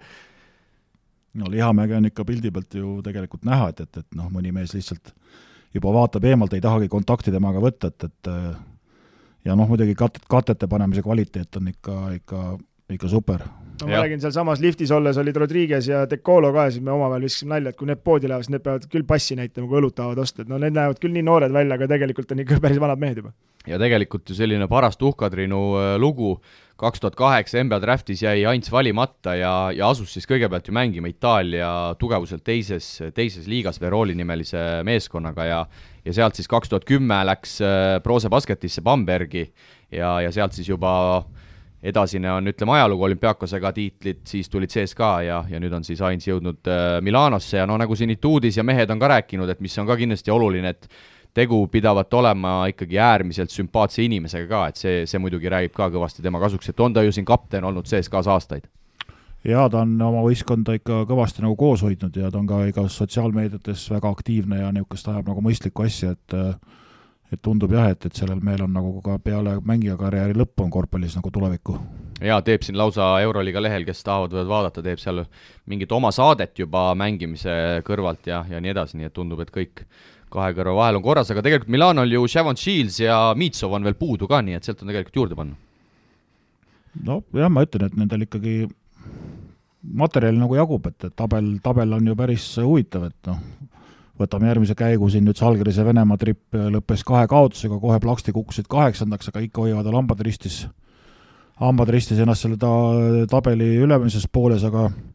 kellest enne oleme rääkinud, et see Valencia veel, veel, veel piiri peal, aga näiteks Baskonia juba kukkus plaksti kohe kahe, kahe, kahe kaotusega juba allapoole, nii et, et, nemad on juba, juba kolmeteistkümnendaks vajunud nojah, siin Salgrise juurde korraks juttu tuli, et siis äh, vaatasin Salgrise niidi mängu ka ja no seniit on küll ikkagi praegust ikkagi üllatavalt kindlasti ennast seal top viies hoidmas. ikka jõudu, jõudu oli kõvasti jah, selles mängus oli kohe praktiliselt ikka näha, et, et füüsilist ikka, ikka nagu jagub ja tempot on ja, ja ja hoiavad nagu kuidagi oma mängujoonises nagu hästi kinni, et kõik mehed nagu, kes tulevad, nagu väga täpselt teavad ja kuidagi äh, on nagu asjad käima saanud ja kõik on ka nagu näljas, et nad tahavad hirmsasti näidata ja teha ja, ja võeti nüüd ju tegelikult uus tsenter võistkond, et äh, ka seniidi võistkond ei lähe mitte nõrgemaks, vaid tugevamaks, et jaa, seal Alex Poitresil pidavat olema väike vigastus ja tuleb siis Tariq Black, kes kaks viimast hooaega mängis Makaabis, aga võiks rääkida ka Artur Askudaitisest, no viimased kolm mängu suurepärane, Panathinaikosele kakskümmend viis, Bayernile kakskümmend kaks ja nüüd Žalgirisele viisteist silma ja ja kaheksa lauda ja viis ründelauda nende hulgas, et et see mees on ikkagi praegu näitamas oma karjääri parimat mängu. No siin tuleb see vana tõde jälle välja, et konkurentsi ei kannata, et kui teab, et kedagi peale pole tulemas, siis mängib hästi. no jah, tal ega ta psühholoogiaga natuke selles mõttes on vähe keeruline, et tean teda ju hambusest aegadest nii-öelda, tema puhul on üks huvitav lugu, oli selline, et et äh, ma olin siis seal Salgrise noortsüsteemis ja siis Paulius ütles, et peaks nagu ringi vaatama, et äh, keda nagu Kaunasse juurde tuua ja läksime siis äh, Klaipeda trepile, mul oli seal neli, kolm nime välja vaadatud, kes olid seal kõik üheksakümmend kaks sündinud mehed, et lähme nagu neid vaatama ja astume saali sisse ja esimene asi, mida Paulus ütles, on kuule, vaata, et see kutt, ma ei, ei pannud nimekirja, kui ma teda praegu nagu oma silmaga vaatan, siis vot temast tuleb nagu mängumees ja ja, ja noh, kõige naljakam, et ongi, et tema on jõudnud nüüd päris kõrgele, need ülejäänud kolm kandidaati. Käisid küll NCAA-s ära ja mängisid päris korralikku statistikat, aga aga Euroliiga võistkondadesse pole jõudnud, aga Kudaitis kuidagi jah, noh,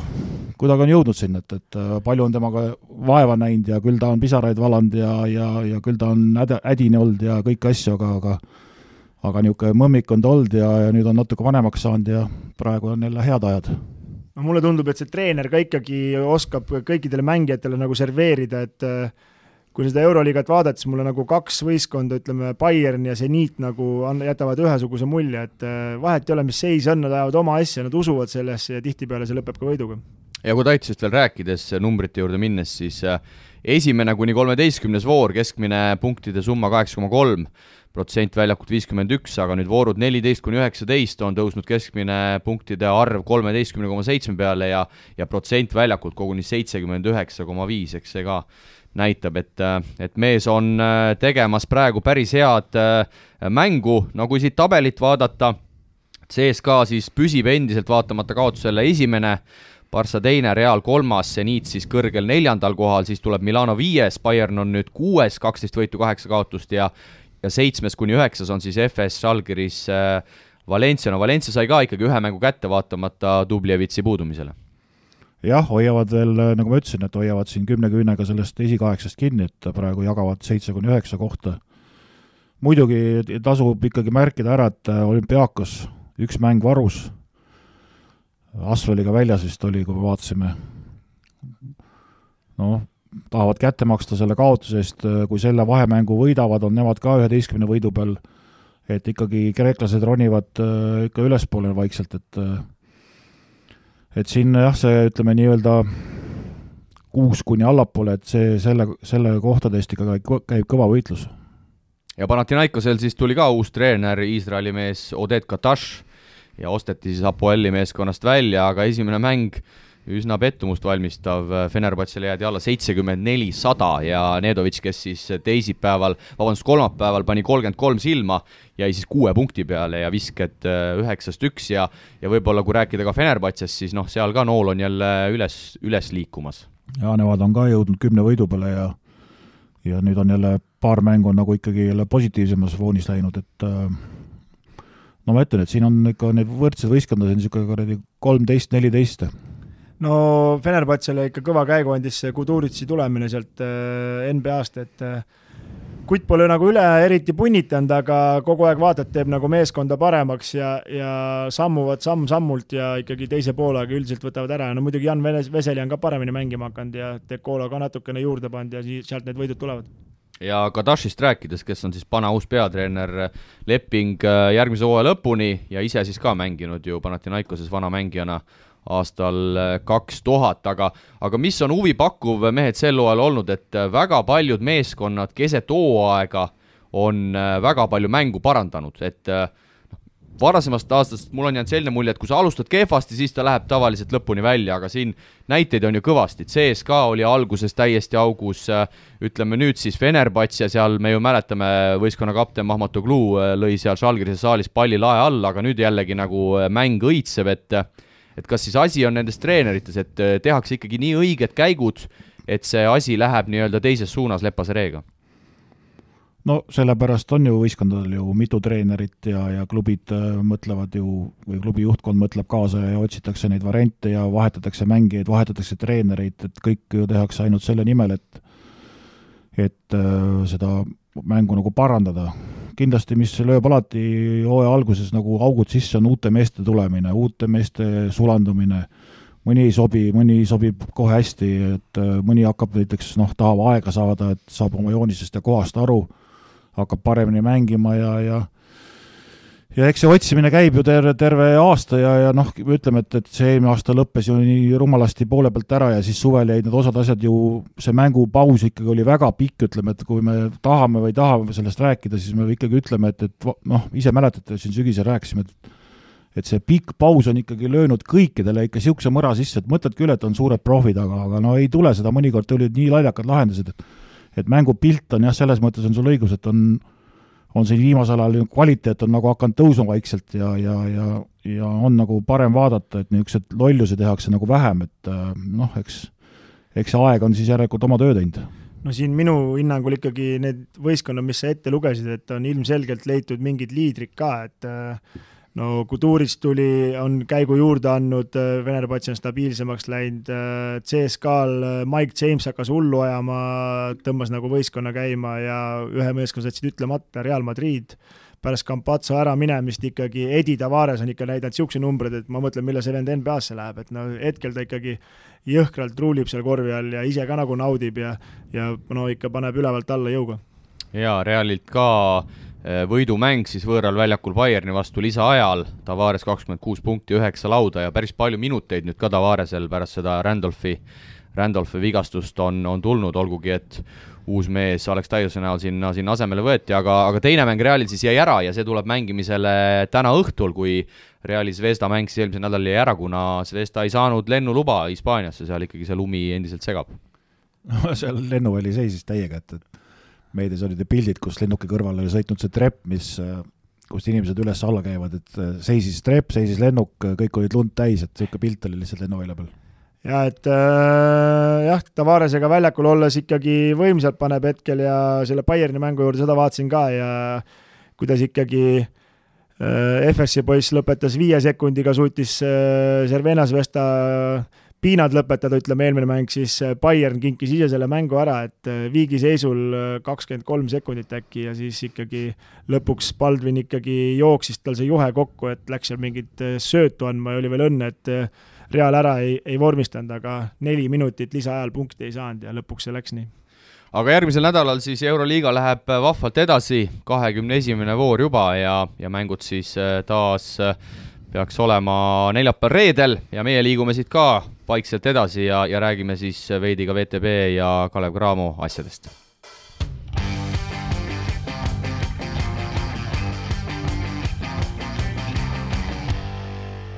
neljapäeval siis äh, käisime Kristoga kommenteerimas äh, Kalev Cramo järjekordset VTB ühisliiga mängu, Cramo oli seal kaheksakesi Venemaal Saratovis ja ja no ütleme nii, et neljandal veerandajal asi kahjuks lagunes ja lõpuks Kalev Cramo võttis sealt kaasa suure kaotuse kuuskümmend üks, äh, kaheksakümmend seitse, Priit, nägid sa mängu? ei näinud aga noh, seal ütleme nii, et kui me seal heietsime Kristo mängu alguses, et, et kust need punktid tulevad, kui Kiini, Jõesaart, Hermetit, Toomast ei ole, lisaks ka Kaufmannist, siis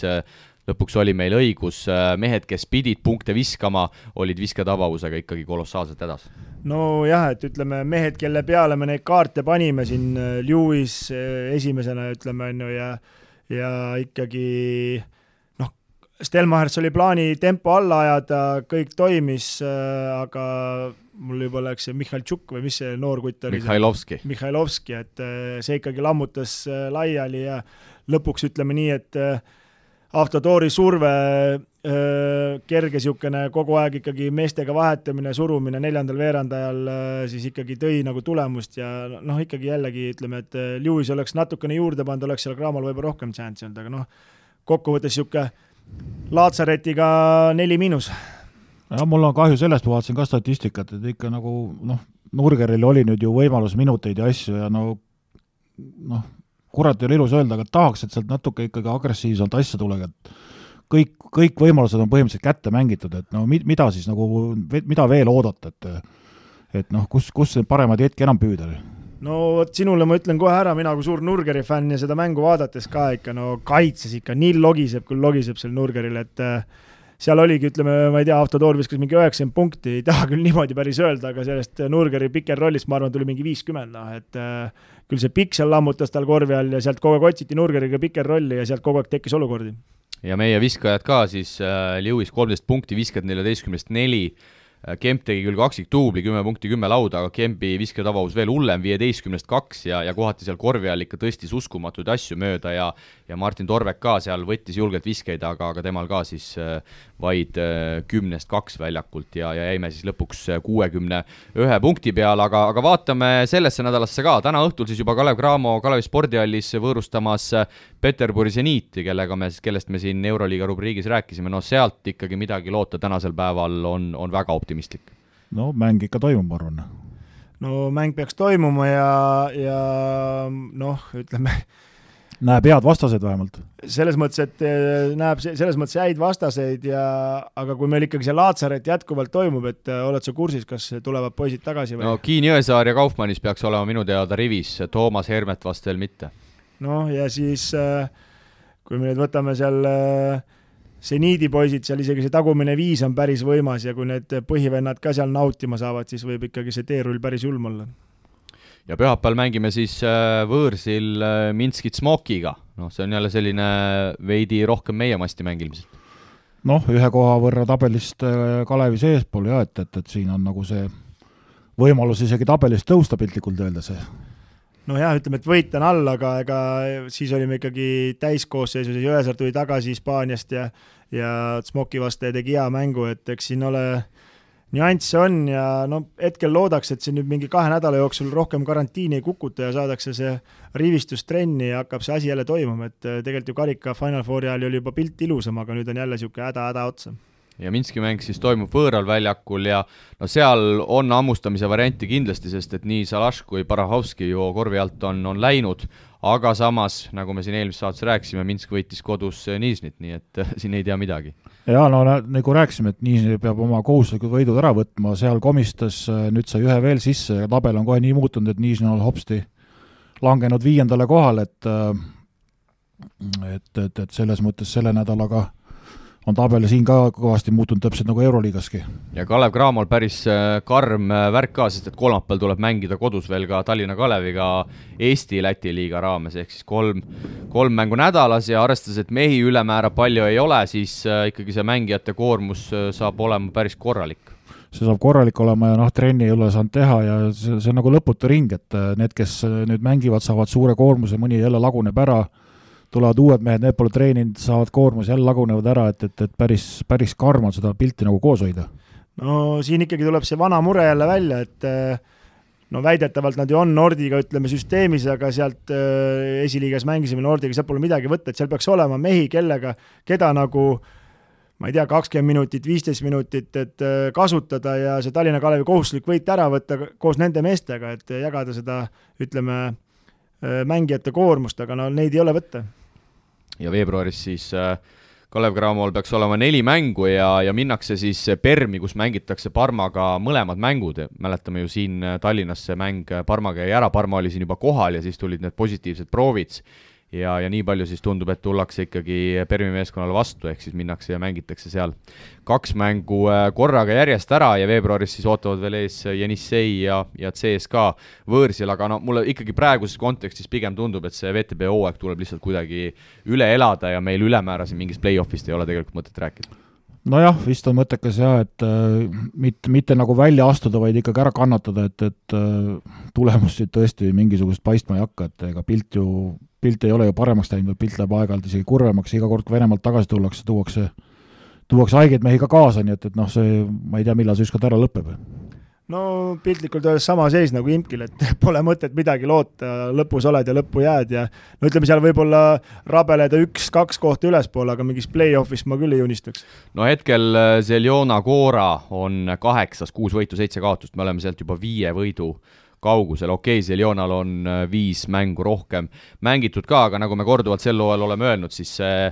see ladvik on ikkagi läinud äh, läinud mingil määral ikkagi ühtlasemaks ja ja sinna sel hooajal pressida, noh, mulle tundub veidi liialt optimistlik. no selleks on vaja vähemalt kaheksat-üheksat võitu lisaks saada, no kus me need saame, kui meil on esime-, esimese hooga üks ainult, noh et öö, oleme ikkagi realistid, et hetkeseisus Kalev Cramol kaheksat võitu järgmise kahe kuuga VTB-s võtta tundub ulme. no just see seeria, mis sa praegu ette lugesid, kaks Parmat, Jenissei ja CSKA või? no ja siin tuleb veel äh, jaanuari lõpus Seljona Cora. Seljona Cora on kusjuures sellel hooajal ikka väga kõvasti juurde pannud ja mäng on väga korralik, äh, vaatasin siin Unixiga mängu, et, et noh, pusisid ikka täitsa, täitsa hästi, et Parma selline võistkond, kellega peaks nagu suutma võrdselt mängida, kaks välismängu järjest, no eelised kindlasti Parma käes, Jenisseis on alati raske mängida, kaugelt võistkonnad tulevad, ajavahe, enamused lähevad sealt kurvalt minema, pead väga heas konditsioonis olema, et äh, seal võita ja noh, CSKA ükskõik, äh, kuidas see mäng neil ei lähe, nad peavad selle võidu ära noppima, sest tabeliseis ei tohi, ei tohi halvemaks minna. No saame näha, igatahes nagu öeldud, Kalev Cramol sel nädalal kolm mängu, kaks siis VTB ühisliiga raames ja Levira spordiportaali kaudu äh, mängumehed on, on eetris ja need mängud teieni, teieni toome, nii et näis, kuidas Kalev Cramol sel nädalal läheb, kindlasti järgmise nädala saates saame sellel juba pikemalt peatuda, aga neljas rubriik, eestlased välismaal ja, ja katsume siis saada kõne täna kaugele Islandisse, kus meid on ootamas ees Joonas Järveläinen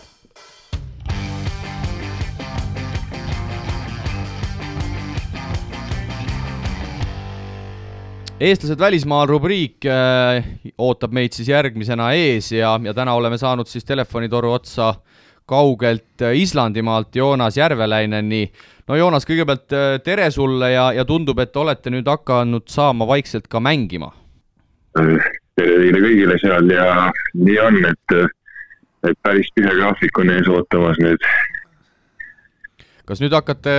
siis järjest panema, ma sain aru, et siin ikkagi äh, ikkagi päris äh, mitu mängu on teil järjest aset leidmas? Äh, vaatasin ise graafikut, et mängisime siis üleeile, reedel, täna pühapäev on mäng ja siis suht niimoodi üle kolme päeva hakkab olema.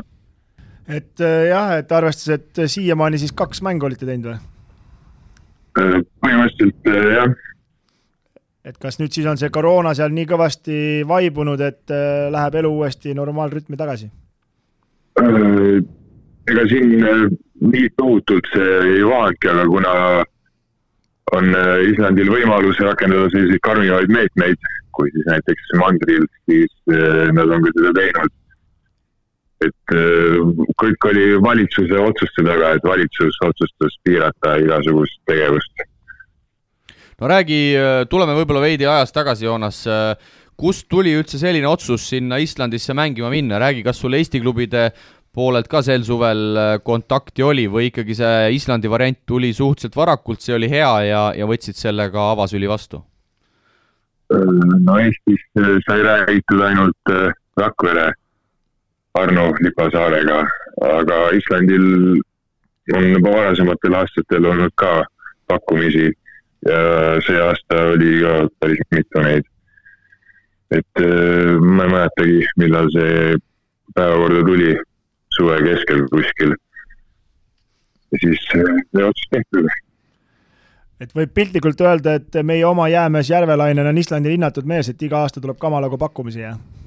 Äh, no nii hästi ei ole, aga siin üks-kaks treenerit olid varasemalt ühendust võtnud, jah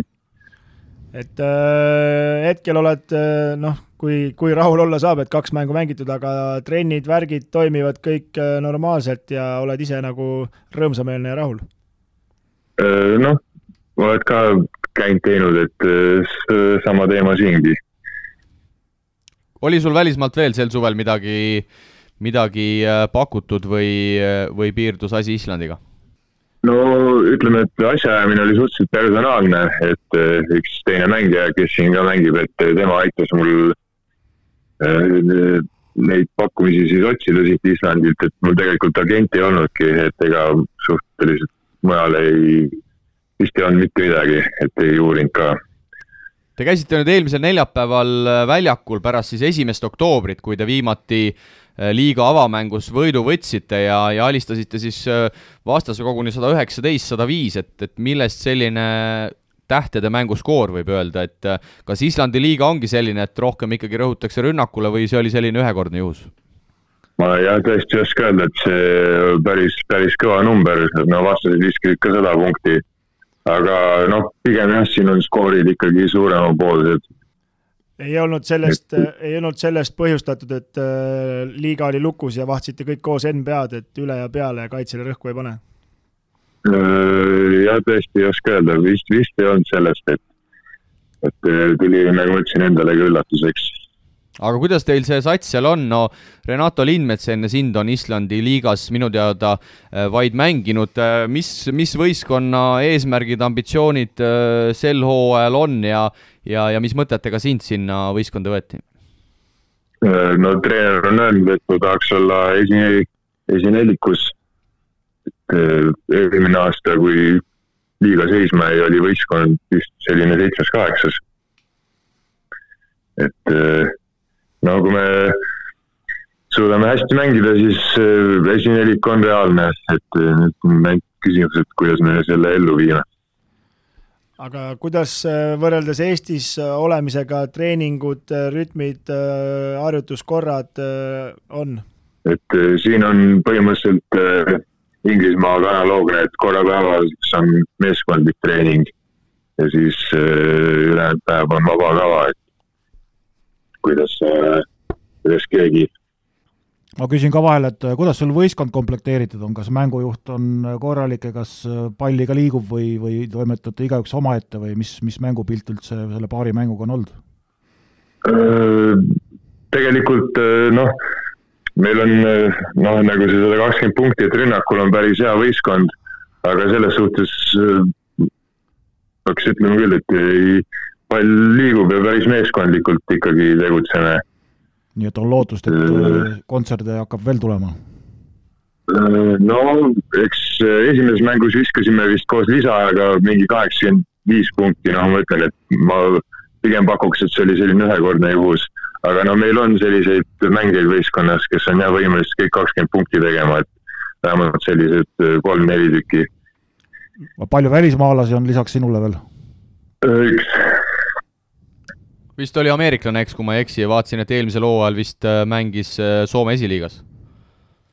Äh, jah, ameeriklane, et seda ma täpselt ei tea, kus ta mängis aga kuidas Islandi poiste tase on, et ma siin sinuga varem olen ka põgusalt rääkinud, et, et kui pikk see rotatsioon on ja kas, kas kõik mehed seal on kohalikud, on nii-öelda profid? ütleme, et sellist, no peale meie siis ameeriklasega, no ütleme, et et selline viis-kuus meest on veel võistkonnas, kes siis äh, on mängumehed. et äh, võiksid äh, ka seal meie liigas mängida Eestis. siis ülejäänud on sellised noh, päris sellised harrastajad või siis noored. kui palju võistkondi sul üldse on Islandi liigas? kaksteist. mis positsiooni hoiad, kolm, neli, viis? hetkel noh oleme oma kahe võiduga esimesed, aga no mis see näitab, et ma olen mänginud ka tabeli nii-öelda siis eeldatavate alumise otsa võistkondadega, et natukene vara veel midagi, mingeid järeldusi teha. sa ei mõikanud praegu Priidu küsimust, et aga ise mängid positsiooni ah. kolm, neli või viis? aa, vabandust, vabandust. Äh, mina mängin korvi all ja neli-viis palju seal neid äh, pikemaid poisse äh, üldse on või on Island, noh, Island me teame, ei ole ka väga pikkade inimeste riik, et, äh, et ikkagi neid pikemaid mehi ka seal vist väga palju ilmselt ei ole? jah, et ka meie võistkonnas, et mina oma kahe meetriga üks pikemaid, et ei ole siin jah, et siin sai mängitud ühe teise võistkonnaga, kus oli siis üks nii-öelda kohalik legend, et tema oli selline vähe pikem mees, aga jah, et ega siin ka neid pikki poisse jalaga segada ei ole.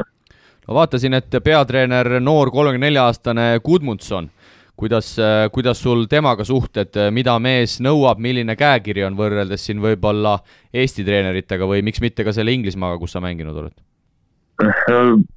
korvpall on korvpall, eks jutt on alati sama, et, et eks ta üritab ka ikka, et me mängiksime meeskondlikumalt ja, ja abist-, abistava kaitsena, mis, mis on tema jaoks märksa enam aga ütleme, see võistkondade taseme võrdlus, jällegi, kui sa võrdled selle Inglismaa liigaga, kus sa minu teada kaks hooaega vist olid ja ja siin Eestis sa tegelikult oled ju ka selline maailmarändur mingitel hetkedel olnud, et et kuidas võistkonna tase võib-olla võrreldes Eesti liigaga ja, ja ka selline köögipool ja professionaalsus? No ütleme, et ikkagi suhteliselt sama, võiksime mängida Eestis ka samamoodi kuskil eh, seal keskel, et et tase üpris analoogne ja noh, Inglismaal ka midagi sarnast, et äh, peab nentima, et tase on suht-, suhteliselt sama. kas oled ka Eesti liigat jälginud sellel aastal? Äh, jaa, et äh, päris siis, kui meil siin suurem paus oli, et päris omajagu kuidas tunne on praegu, kas tase on alla läinud või, või, või, või sinu hinnangul tahaks siin müdistada praegust ja möllata?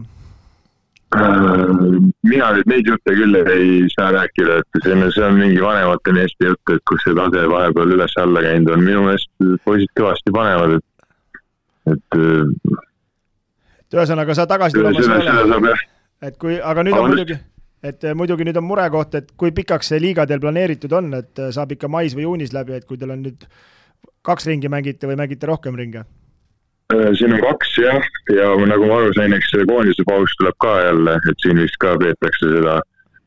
et äh, ma nüüd ei oska öelda ise, kui nüüd võtta see kolmepäevane vahe, noh, eks ta siis mingi aprillis võiks lõppeda ma sain aru, Joonas, et sa oled vist seal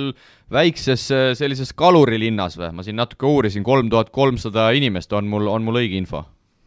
Äh, siin ongi põhimõtteliselt peale Reykjaviki kõik teised äh, on sellised väiksed kohad, et selline kolm tuhat inimest on, ongi niisugune maksimum suht. ja sul vist selline kärepakane nagu meil, meil seal het-, meil siin hetkel vist vastu ei vaata? ei, õues on plusskraadid isegi vist. vaat kui hästi, aga, aga räägi saali publikut nüüd lastakse ka või ikkagi, sest tegelikult vist need koroonanumbrid Islandil on vist päris äh, madalad tegelikult, et kas, äh, kas rahvas äh, saab ka saali tulla? hetkel ei saa, et see oligi tõenäoliselt, mille taga siis liiga kõige rohkem seisis. et alguses neil oli kindel soov, et noh, et tahaks publikuga liigat jätkata, aga ilmselt nüüd siis et kompromiss, et, et mängud on ilma publikuta hetkel. ja kuidas sul mõtted on nüüd pärast poolt aastat seal Islandil, et mänginud väga palju ei ole, aga aga näeksid sa ennast seal ka järgnevatel hooaegadel, et kuidas selline, selline pooleaastane esmamulje kogu sellest värgist seal on? noh, eks vaatame, see on tulevik alles, katsub kõigepealt mõned mängud ära mängida ja vaatame, mis elu toob aga olgu, Joonas, aitäh sulle, et, et leidsid aega meiega põgusalt vestelda ja, ja no mis me oskame soovida, loodetavasti mängud äh, jätkuvad ja, ja saad siis ikkagi väljakul näidata seda, mis sa, mis sa kõige paremini oskad. hea küll, äh, tänud teile ja, ja loodame, et läheb hästi. jaa, ole tubli. No nii, sellised jutud siis äh, Islandilt ja, ja ega, ega tegelikult päris karm, seitsmeteistkümnes, vabandust, kaheksateistkümnes jaanuar ja, ja mängitud kaks mängu hooajal nojah, et äh, see on niisugune üks liiga vist tundub, mis on ikkagi päris pausile pandud, et äh, ülejäänud, no ikka see Rumeenia on samamoodi enam-vähem, et ega neil ka ju kõige paremad need lood ei ole ja ja siin me ei oskagi nagu mingit hinnangut anda. Jaa, no päris omapärane, aga, aga noh, kinnine, kinnine jah, niisugune tsoon, et eks nad siis ise reguleerivad ja ise teavad, kuidas neid asju siis korraldada, et mis meil jääb siin ainult konstateerida fakti. no tõenäoliselt seal rahadega nii hädasi ka ei ole, et seal seda plenni on, et ju siis suudavad neid mängijaid hoida, et pole veel kedagi minema ka löödud. no vaatame siin teistele tulemustele ka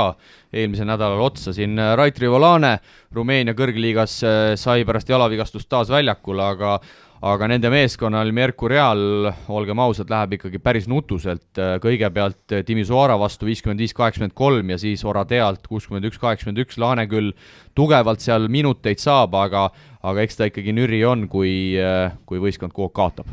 no nemad on ka vähe mänginud ja, ja võib-olla võib-olla need võistkonnad on liiga tugevad, ma ei tea, kuidas see tabeliseis seal välja näeb, aga, aga noh, hea, et ta ise minuteid saab ja oma asja ära teeb, et, et siit on ainult tõusta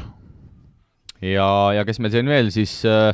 sel nädalal mängisid, Rain Veidemann ka, saadi üle pika aja kaotuse kibedust tunda Kirchheimi vastu võõrsil kuuega, aga Veidemann ikkagi endiselt pildis, kakskümmend kaheksa minutit, kaheksateist punkti, neli lauapalli, aga ka kuus äh, pallikaotust ja seal oli kuulda, et Bauermann vist äh, oli jäänud eemale, et seal, seal olevat peatreeneril mingid, mingit sorti tervisehädad ja, ja see Iraani poiss, kes neil seal kõvasti punkte on paugutanud, see olevat ka vigastada saanud. jah, et see oligi vist põhimurekoht, et esimesel veerandil juba oli vigastada saanud et äh, aga kui veel Laanest rääkida, siis jah, ollakse turniiritabeli lõpus, neljateistkümne meeskonna konkurents siis kolmeteistkümnendad ühe võidu ja, ja kümne kaotusega, et äh, sealt välja ronida on ikkagi päris karm. mis Saksamaa kõrgliigas toimub? Saksamaa kõrgliigas äh, Hamburgi meeskond, kui sa pead silmas Maik-Kalev Kotsarit, on hetkel tabelis kuues kaheksa võidu kolme kaotusega ja, ja mis kõige positiivsem, mehed, äh, nii palju kui ma kuulsin, siis äh, Maik on ikkagi tulemas ka koondisele appi veebruaris, veebruaris toimuvas äh, koondise aknas. no ega siin palju valikuid ei ole, et meil on ju siin vigastatud terve rivi ja ja e-, eesliini osakond on hõre ja ega siin ei tea ju, kes siis Hispaaniast, Itaaliast ka veel üldse tulema saavad, et iga, iga mees on vajalik. ja EM-pilet on ka vajalik ja no loodame, et tuleb ja nagu meil see saade on jällegi pühapäeval, kuna ma pean tööd tegema, et siis äh, sel nädalal mängivad nad ju Bayerniga, et vaatame, kuidas neil läks. jaa, ja nii palju siis koondise juttudest ka veel, vähemalt nii palju, kui mina olen kuulnud, siis äh, välismaa meestest rääkides ainus murekoht taas Sander Raieste ja Baskonia ja eks seal Baskonias on karm ka, seal on ju Kuruts Läti, Leedus Sedekerskis, Giedraitis, Sloveenia Dragic, Eesti Raieste ja kui sa ühe mehe lased, siis sa pead tegelikult laskma kõik no ma arvan, et seal on võetud kindel seisukoht, et keegi ei lähe, sellepärast et tegelikult ju mänge on ikkagi ju palju ja Euroliiga pausi ei tee ja, ja no nad üldse nagu ei arutagi seda teemat, et ma arvan, see on juba hooaja alguses välja öeldud, et siin võib, siin võib heietada, helistada ja teha mis iganes, aga, aga noh, selle, selle peale ei tasu loota, sellepärast et noh, see on juba, juba joonis on näha, et siin on jah võetud niisugune joonis, et puhake jalga ja nähke vaeva, et no mõnes mõttes arusaadav ka, et kui sa saadad need kõik eri riikidesse ja tulevad sealt mingi koroonakoldega tagasi, seda jama klattida on ikkagi päris kulukas. ja esmaspäeval peaks siis tulema välja kakskümmend viis koondise kandidaati ja, ja siin ikkagi uusi nägusid ka, siin Märt Rosenthal pärast telemängu intervjuus juba mulle ütles, et oli saanud kutse vähemalt siis kandidaatide hulka ja ja minu teada ka Karl-Juhan Lips, meie Phoenixi mees, on, on arvatud sinna, sinna nimekirja, nii et uh, uusi nägusid ka, ütleme need kaks meest, kellel me siin tegelikult ka pärast seda esimest akent peatusime, et need oleks võinud olla vähemalt seal kahekümne nelja hulgas ja et äh, Toiala on käinud siin oleme näinud äh, inimesi saali lasta, aga Toiala käib siin skautimas, et tekib küsimus, ma olen ise ka mitmel mängul kohal olnud, et ei tea, kas mind ka pani või? no ma sügavalt kahtlen ja ei ole tulnud Raekossu mingit? ei tea küll, et oleks et, et oleks huvi tuntud, aga aga jah, kakskümmend viis nägu siis ja noh, kindlasti jäävad eemale Siim Sander-Vene ja Kristjan Kitsing ka vast ikkagi, ma usun, sest et Kitsing küll pidavat olema Eestis ja põlveoperatsioon tehti ka siin meie kodumaal, aga mis siin räägiti, neli kuni kuus nädalat, no Ritas, noh, ma, ma ei kujuta ette, kas seal pigistatakse silm kinni. ei no mis sa seal pigistad, kui sa ikkagi pole ju poolteist kuud ei tee trenni, siis äh, sa võid pigistada või mitte pigistada, et ega ilma vormita ikka seda palli väga ei mängi ja seda enam, et seal on kolm mängu ju ja, ja noh, raske nüüd arvata, et kahes mängus ei osale, et ühes siis särad, et äh, noh, pigem, pigem tuleb ikkagi panustada tervetele ja tugevatele, et midagi pole teha ja seda uudist me ju veel polegi välja öelnud, et Kairis sai ka kinga, et äh, siin vaevalt äh, hetkel, hetkel Kairis sai kinga ja Kitsing äh, esialgu veel ei ole saanud, aga need teised välismaalased tema koha peal on ka kõik ju lahkumas ja ja vaatame ette, et tal on ikkagi vaja see hooaeg korralikult lõpetada seal Leedus ja, ja selleks on tal vaja ennast uuesti üles putitada. aga no idee poolest, kui me sellest korvialust räägime, kui meil on Kotsar, Nurger, ütleme Treier, Hermet võib-olla mõned Eesti poisid, Indrek Ajupank TalTechis olevat ka kutse saanud, et noh, tegelikult kannatab, kannatab ikkagi mängida küll. No ma räägin, et siin peab lootma, et Treier ikkagi ka saab tulema näiteks, et, et noh, me ju ei tea, mis seal selleks hetkeks seal Itaalias see seis on ja, ja seal on ta ikka kujunenud ikkagi praktiliselt ikkagi rotatsioonimängijaks, palju sealt tahetakse ära lasta, kuidas need võitlused hakkavad, et ei, ei kujuta ette no päeva lõpuks on ikka nii, et loodus tühja kohta ei salli ja loodame, et siin ikkagi mingit pikkust tuleb ja Kotsar ikkagi tuleb ja siis juba on, saab ehitada küll. ja mängujuhi koha peal ka ilmselt võime ennast kindlamalt tunda, kui Kristjan Kullamäe saab tulla, kes on ju tegelikult sel hooajal näidanud väga stabiilset minekut ja, ja tundub, et Sten Sokk on nüüd ka sellest jalavigastusest välja tulnud, et, et see on ka kindlasti, see positsioon väljakul on ka meie jaoks kindlasti äärmiselt oluline. Jah, ja Kriisa kindlasti ei saa tulla nüüd teist korda seda tretti tegema, sest tal vist oli trennis ninaluu ka läinud veel ja, ja sellega ka nüüd natukene jämpsimist no ta saab kuuendal veebruaril tegelikult öö, oma mänge ka alustada, et kui ta ikkagi mängib reaalselt, siis, siis, siis ei tasu loota, et ta üldse kuskil liikuma hakkab. no kas seal üldse on tegelikult mõtet mängima hakata, sest minu teada need reeglid ju näevad ette, et kui sa ei mängi, siis sa saad ühe aasta Ameerikas lisaks, et võib-olla Kerr hoopis, hoopis kasutab, kasutab seda varianti. noh, kas ta see, kas see on tema enda teha, ei oska, ei oska mina ka öelda, aga see võimalus on tõesti olemas ja võib-olla klubi vaatab lõpuks jah, et, et pole mõtet nagu mõneks mänguks peale lasta selle, seda enam, kui nad sellest Match Madnessist loobusid, et et äh, siin on kõik, äh, kõik erinevad variandid lahti, aga, aga jah, ainuke uudis me praegu teame, et nina on natuke viltu. Nonii, aga siit äh, põrutame edasi ja Nordeidi küsimusmängu teine voor vajab siis kokkuvõtmist Nordeidi küsimusmängu toob teieni Zinkat Zetaadi sprei, mis aitab eelkõige külmetushaiguste puhul, lühendades selle kestvust keskmiselt neljakümne kahe protsendi võrra. nii, teine küsimus siis äh, saab meil täna vastuse ja, ja küsisime siis, millised Eesti korvpallurid on tulnud äh, Läti kõl-, kõrgliiga meistriks ja, ja ma võin ette ära öelda, et, äh, et meil oli kolm õigesti vastanut. Kristo, mis siis õige vastus on? Äh, ma ei tea seda, aga ma tean, et no, meie tiimi on tulnud lisa, ei, aga paku, paku, paku. ma pakun, pakun, ma pakun, et see võiks olla üksteist. üksteist, jah? noh, kust sa teadsid? No sest, et ma pakkusin tegelikult kaheksa, aga Priit ütles enne saadet, et see on vale vastus, siis äh, kuulsin, kus te omavahel rääkisite seal kohviruumis, et üksteist, et äh, aga kui sa ütled mulle nimeta nimed, siis äh, ennem juba natuke mainisin, Priidul ta arvas, et ei ole, aga Aivar Kuusmaa pakkusin, et tuli armees, siis äh, Siim-Sander Vene ja Varblase mõtlesime ka kahe peale välja, õigemini tema mõtles välja selle, aga siis tundus ka loogiline, rohkem ma ei tea aga loeme siis need kõik üksteist nime ette.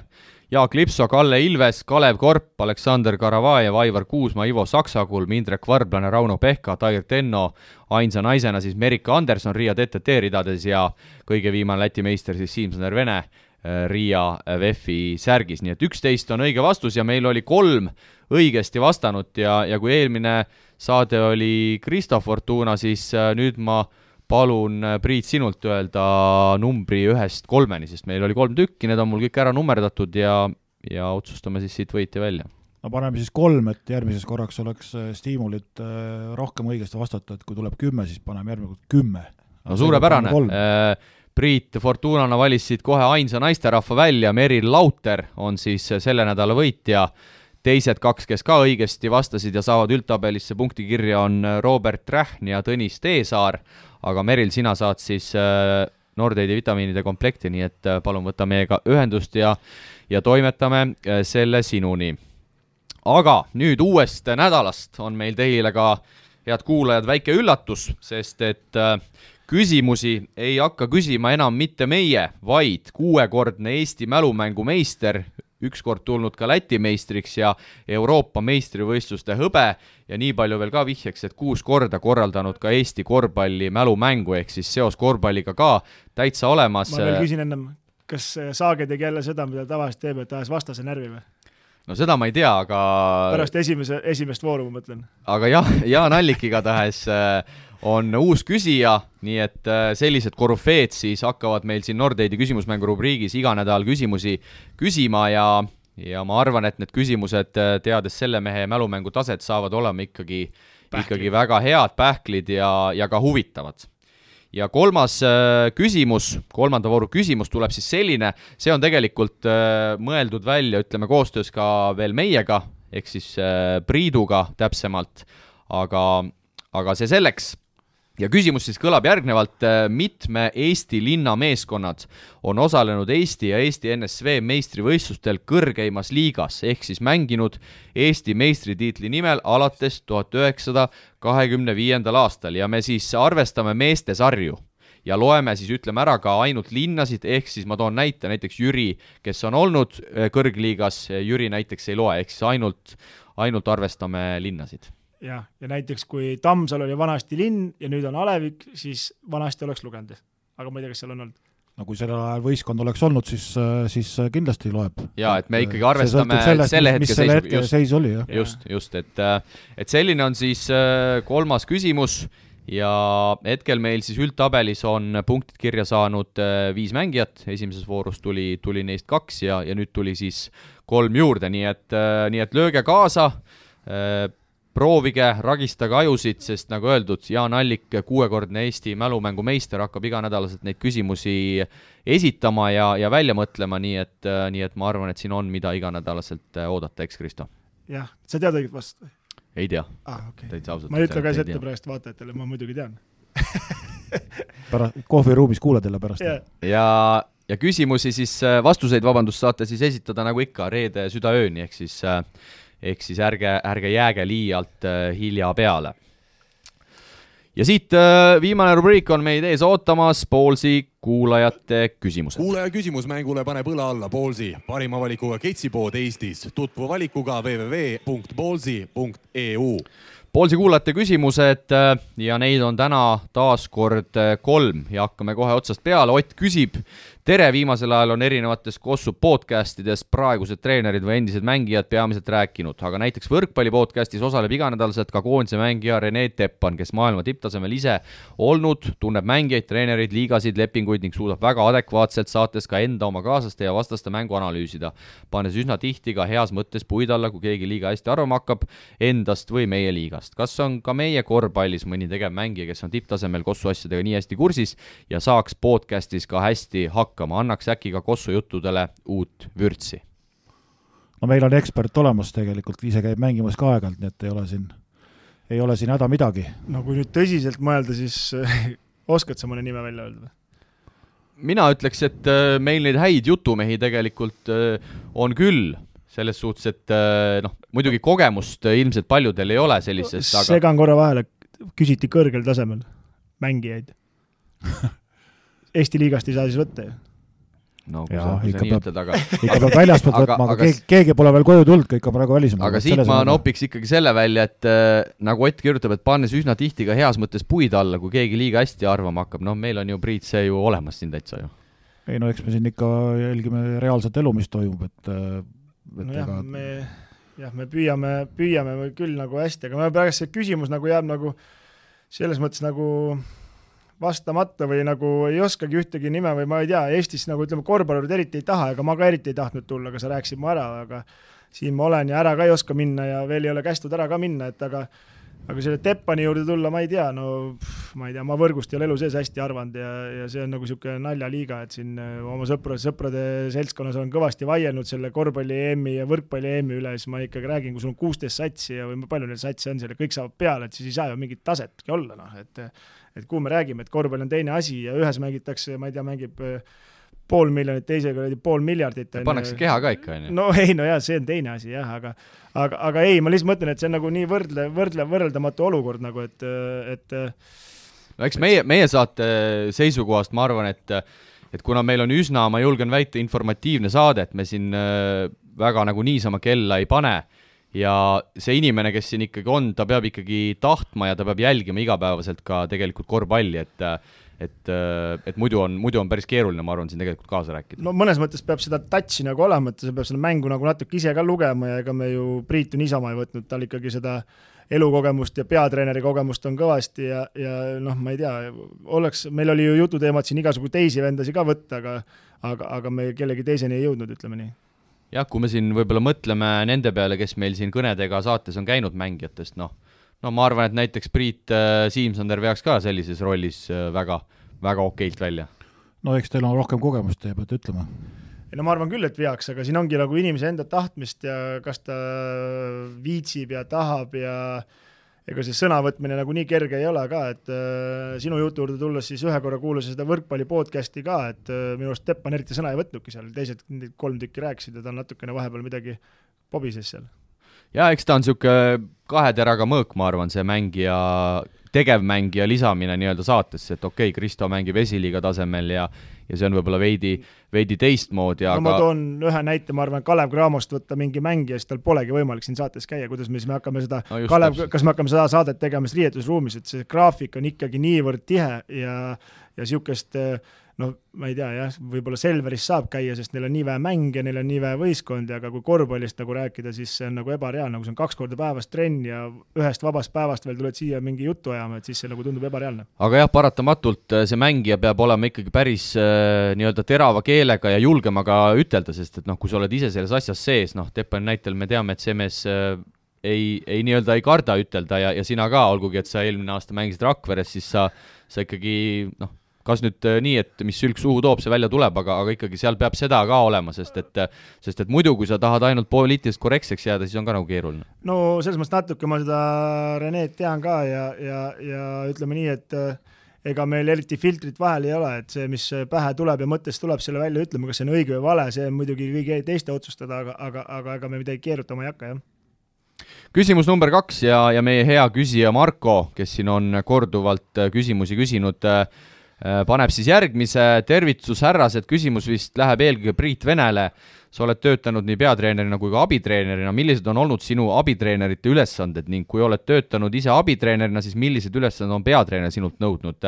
Suurklubide pingil on treenereid tihtilugu sama palju kui mängijaid, millega need kõik mehed seal tegelevad, ma tean, et sellele ei saa nii ühest vastust anda, sest see kõik sõltub suuresti peatreeneri soovidest ja visioonist, aga siiski, palun räägi sellest köögipoolest, millised ülesanded, milline vastutusalu vastutusala, millised ülesanded treeningutel ja nii edasi ja nii edasi. ja siis siit tuleb ka Kristole äh, kiire küsimus, et mängid seda Euroliiga Fantasy't, et kes sul seal satsis on, aga laseme kõigepealt Priidul esimese poole ära vastata. no hakkame siis otsast peale, et äh, esimene küsimus, mis reaalselt siit ette tuleb, et äh, oled töötanud abitreenerina, millised ülesanded peatreener sinult nõudnud? abitreenerite roll on enamus, enamus äh, ikkagi hooajasisene ja hooajaeelne ettevalmistus läbi viia, noh, ma mäletan, viimasel hooajal, kui olin Kaunases, alustasime tööd kolmandal juunil ja, ja, ja järgmisel aastal, kuuendal juunil tulime meistriks, see tähendas seda, et siis aasta ja kolm päeva oli praktiliselt äh, kogu aeg töös. suvine individuaalne mängijate töö, käisid, vaheldusid, kes läks koondisse, kes tuli tagasi, kes tuli vigastusest, keda oli vaja järgi aidata, aga uued mehed tulevad peale paljudes võistkondades äh, on selline stiil näiteks, et peatreener praktiliselt äh, ei, ei vii treeningut läbi. Näiteks Manresa on üks see, kus Jõesaar oli, et seal on selline treener, kes praktiliselt ise ainult vaatab kõrvalt, abitreenerid teevad, ülesanded on ära jagatud, plaanid on valmis tehtud, kes viib soojendust läbi, kes viib äh, kaitset läbi, kes viib ründet läbi, nüüd lähme selle küsimusega edasi, et mida nad nagu, need asjapulgad seal mängu ajal teevad, nendel on täpselt samasugused ülesanded, kõik hakkab hakkab äh, hetkeolukorrast peale. Oma võistkonna tugevused, nõrkused, äh, vastaste skautimine pannakse paika, kindlasti üks treener on, kes vaatab mängu ajal kaitset, üks treener, kes mängu ajal äh, jälgib rünnakut, seal on omad punktid, mida tolles mängus näiteks võtame konkreetselt ühe mängu, sõltuvalt vastastest ja enda võimekusest, et mida siis nagu, kuhu rõhku pannakse, kust, kust näiteks kaitse käriseb, kust me rünnakul punkte saame. Kõik niisugused ülesanded peavad kuskil kolmekümne viiendaks minutiks öö, olema treeneritel nagu ütleme, läbi hekseldatud oma peas ja paberite peal, et mängu lõpus vaadata, et näiteks, et aa, vastastel on seal mingisugune nõrgem kaitsemees, kellel on ka võib-olla neli viga, teeme rünnaku tema peale, et et äkki saame kergema korvi, mõni, mõni superstaar näiteks, ütleme, võtame seal mingisuguse Šveedi näiteks, kes kindlasti ei taha viiendal, viis minutit enne mängu lõppu viiendat viga ära teha noh, tänasel päeval me näeme ka, kuidas Šveidi rünnatakse ja tuuakse sealt võib-olla liht-, lihtsaid korve. et vot nii, selliste asjadega need asjapulgad piltlikult öeldes siis seal äh, mängu ajal tegelevad. on ka füüsikatreenerid istuvad, kes jälgivad minuteid, et mõni mees ennast väga lõhki ei tõmbaks, kui näiteks on teada, et ta ei ole väga supervormis, ütleme, kui mängija on supervormis, siis tema minutid võib-olla suurenevad, sõltuvalt vigastusest või mingitest muudest asjadest jälgitakse üsna, üsna sekundi pealt, et palju ta nagu kannatab mängida mõõdetakse pulsse, kõiki asju, need pannakse kirja, et, et mängija nagu ütleme, punasesse tsooni väga tihti ei satuks, et, et teda noh, natuke säästa, sellepärast et Euroliigas ikkagi mänge on palju, tuleme siin liigadest allapoole, asjapulki pinkidel läheb vähemaks, aga eks, eks mingisugust jälgimist teevad ka nemad endale, et et nii, nii, nii, nii sellised need ülesanded on ja, ja ja noh, mis on abitreenerid ja peatreenerite nägemused ja soovid, et noh, kuidas see olukord on tehtud, et kui on väga autoritaarne treener, siis ta võib-olla ainult käsutab,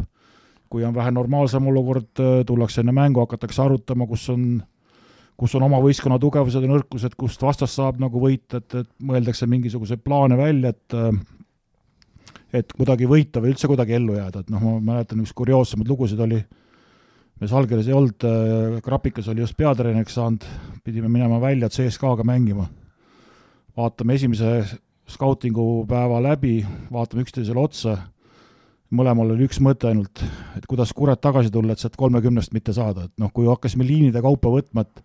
no igalt poolt ainult peaks niimoodi tuppa tulema, et no läksime mängule põhimõtteliselt esimese päeva plaaniga, et noh, et et me saame siit niimoodi sisse, et no mitte kuskilt ei tule, paar meest oli vigastatud, üsnagi raske olukord oli. aga noh, siis kaevasime edasi, kaevasime edasi ja venelastel tollel päeval nagu kuidagi ei olnud nagu väga isu või või tahtmist meid tampida, nii et, et mingitel hetkedel isegi juhtisime seda mängu, kuigi lõpuks saime nagu ikkagi kindlalt sisse, aga, aga noh, see on selline, palju siis treenerid nagu koostööd teevad, ütleme näiteks, et noh, oli, oli Zuras oli peatreener, siis temaga oli väga raske, et tal olid omad nägemused, ta ei kuidagi teistega need nagu absoluutselt ei ühildunud. et äh, noh, ta, tema, tema tööaeg jäi ka üsna lühikeseks seal Salgerises, et äh, serbid tulevad alati, võtavad terve oma meeskonna kaasa, et äh, praktiliselt kohalikke üldse ei kaasata,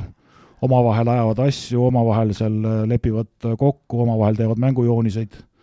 et noh, kui keegi vaatab, kuidas, kuidas nagu treenerid maailmas liiguvad, siis noh, ka nägime, et Saarasel oli oma meeskond olemas, üks tingimus, et kui Barssasse läks, oli, et äh, oma mehed kindlasti kaasa võtta,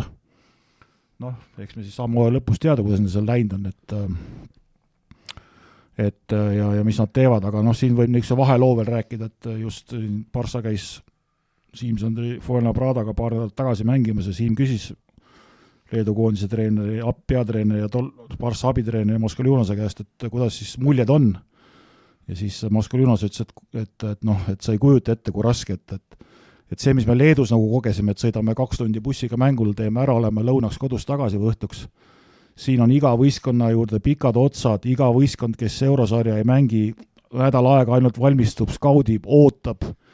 käed on higised, tahavad kõigidel ära teha, nendel on pikad reisid, palju mänge, ütles, et no skautimine praktiliselt on no, öö ja päev otsa kogu aeg ainult vaatamine käib, et, et ütles, et ikka ja tase Hispaanias on ikkagi ikka, ikka palju-palju kõrgem, kui on Leedus, ütleme, et, et noh, siis äh, kurvastuseks tuleb öelda, et mis siis veel Eestis, mis siis veel Eestis on, aga noh, see selleks, aga ma arvan, et siit mingisuguse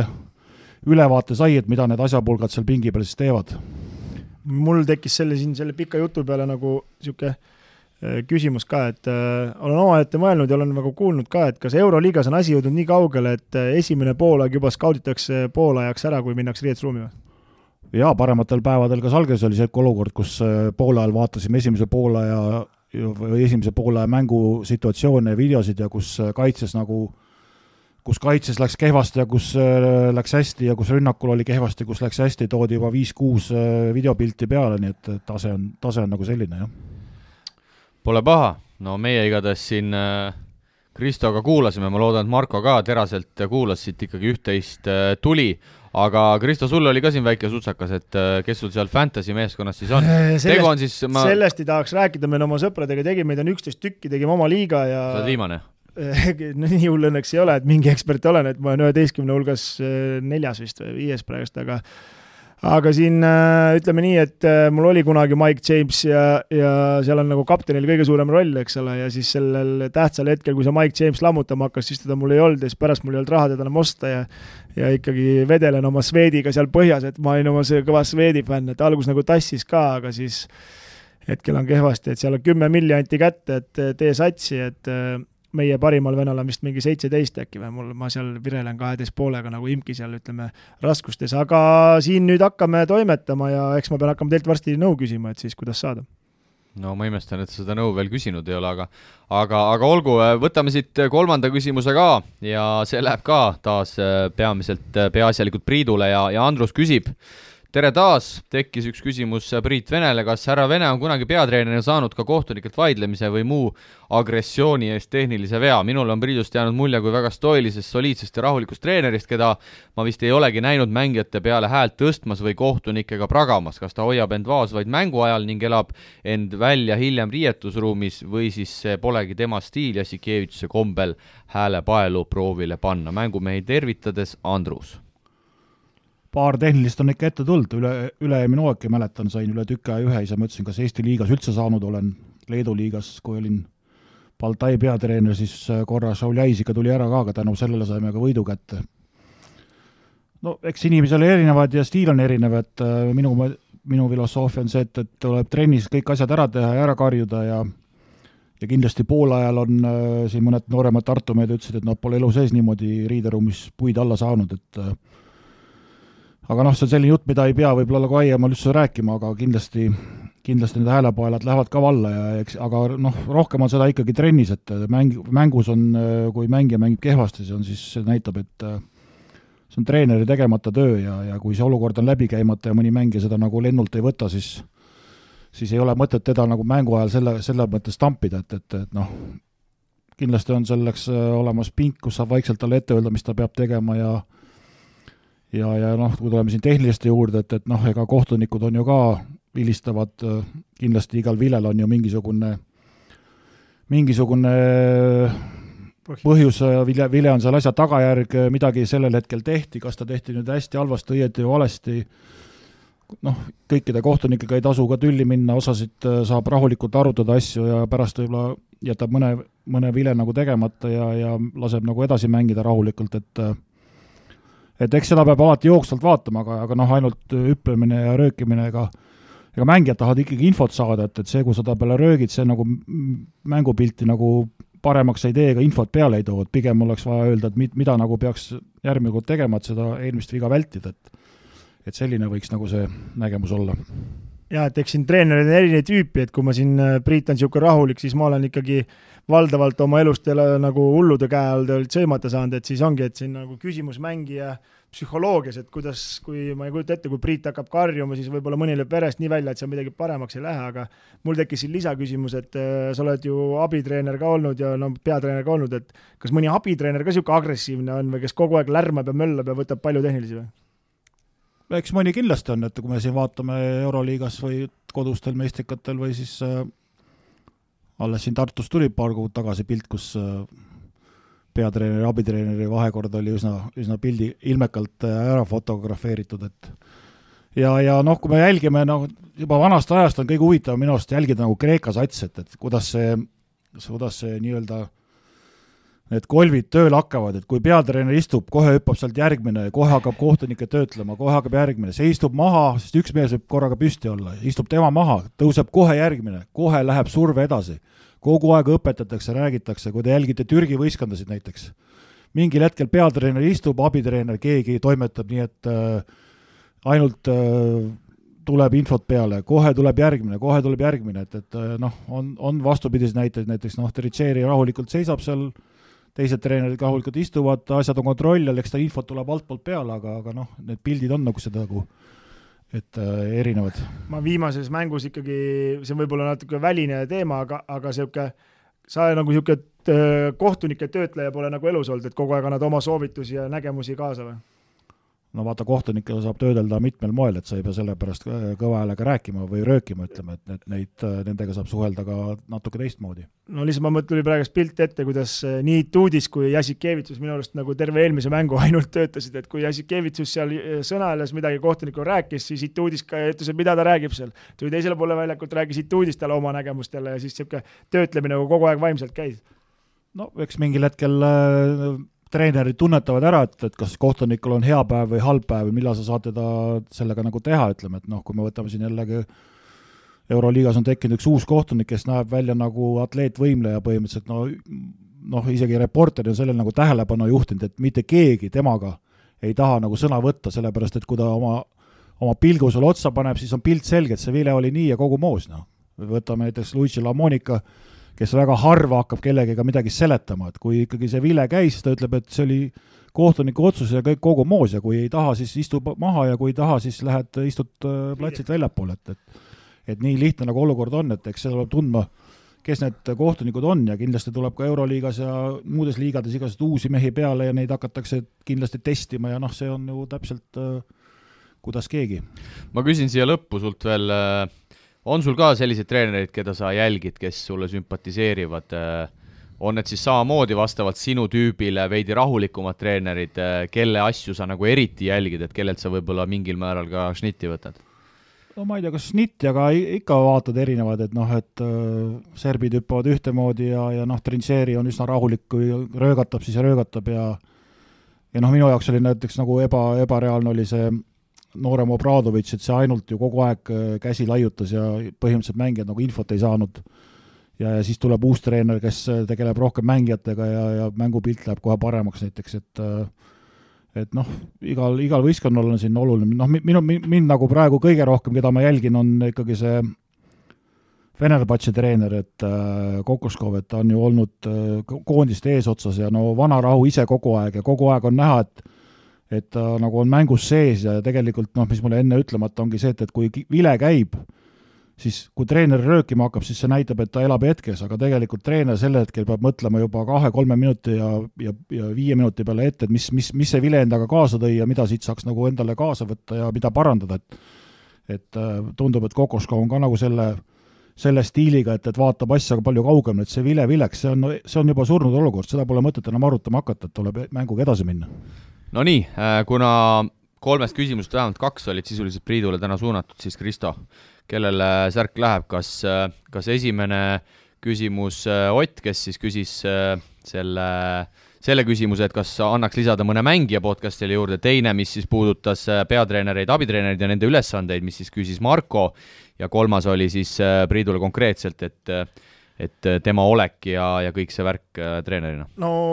ma arvan, et vaieldamatult parim küsimus ikkagi, mis puudutas mind ka ja ikkagi Priit analüüsis seda väga, väga põhjalikult, et number kaks. jaa, Marko on meilt siin äh, eelnevates saadetes ka küsinud ja, ja tegelikult pole veel särki saanud, nii et ma arvan, et see läheb tegelikult väga väga õigesse kohta, aga, aga selline oli siis saade täna, mehed, on teil siia lõppu veel midagi, midagi hingel, midagi lisada? no vaatame, et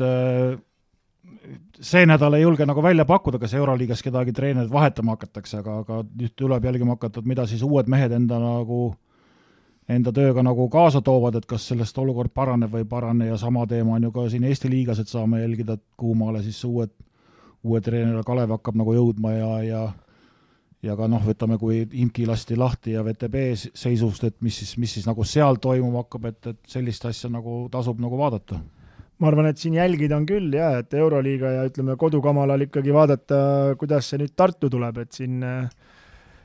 tulistamist nende pihta on kõvasti, seal linna sees ka kõva saagimine käib, et äh, seda on huvitav vaadata ja ega siin ju palju pole jäänud, et kuu ja mõned päevad peale, kui saab veel muudatusi teha ja vaatame, kes kuidas reageerib ja mis käiguga nüüd Rapla vastab. selge seekord oli nii, järgmine kord on naa, jätkame järgmisel nädalal sealt, kus täna pooleli jäime ja kõikidele siis soovime ühtlasi mõnusat korvpallinädalat. korvpall on meie mäng, mille harrastamisel ja jälgimisel võib tekkida hea tuju ja tunne. enne saali minemist pea nõu sõbra või elukaaslasega. platsil näeme. Mikk-Mikk. ega edu pole jänes, mis seest ära jookseb. ärid on edukad Hammerheadi majades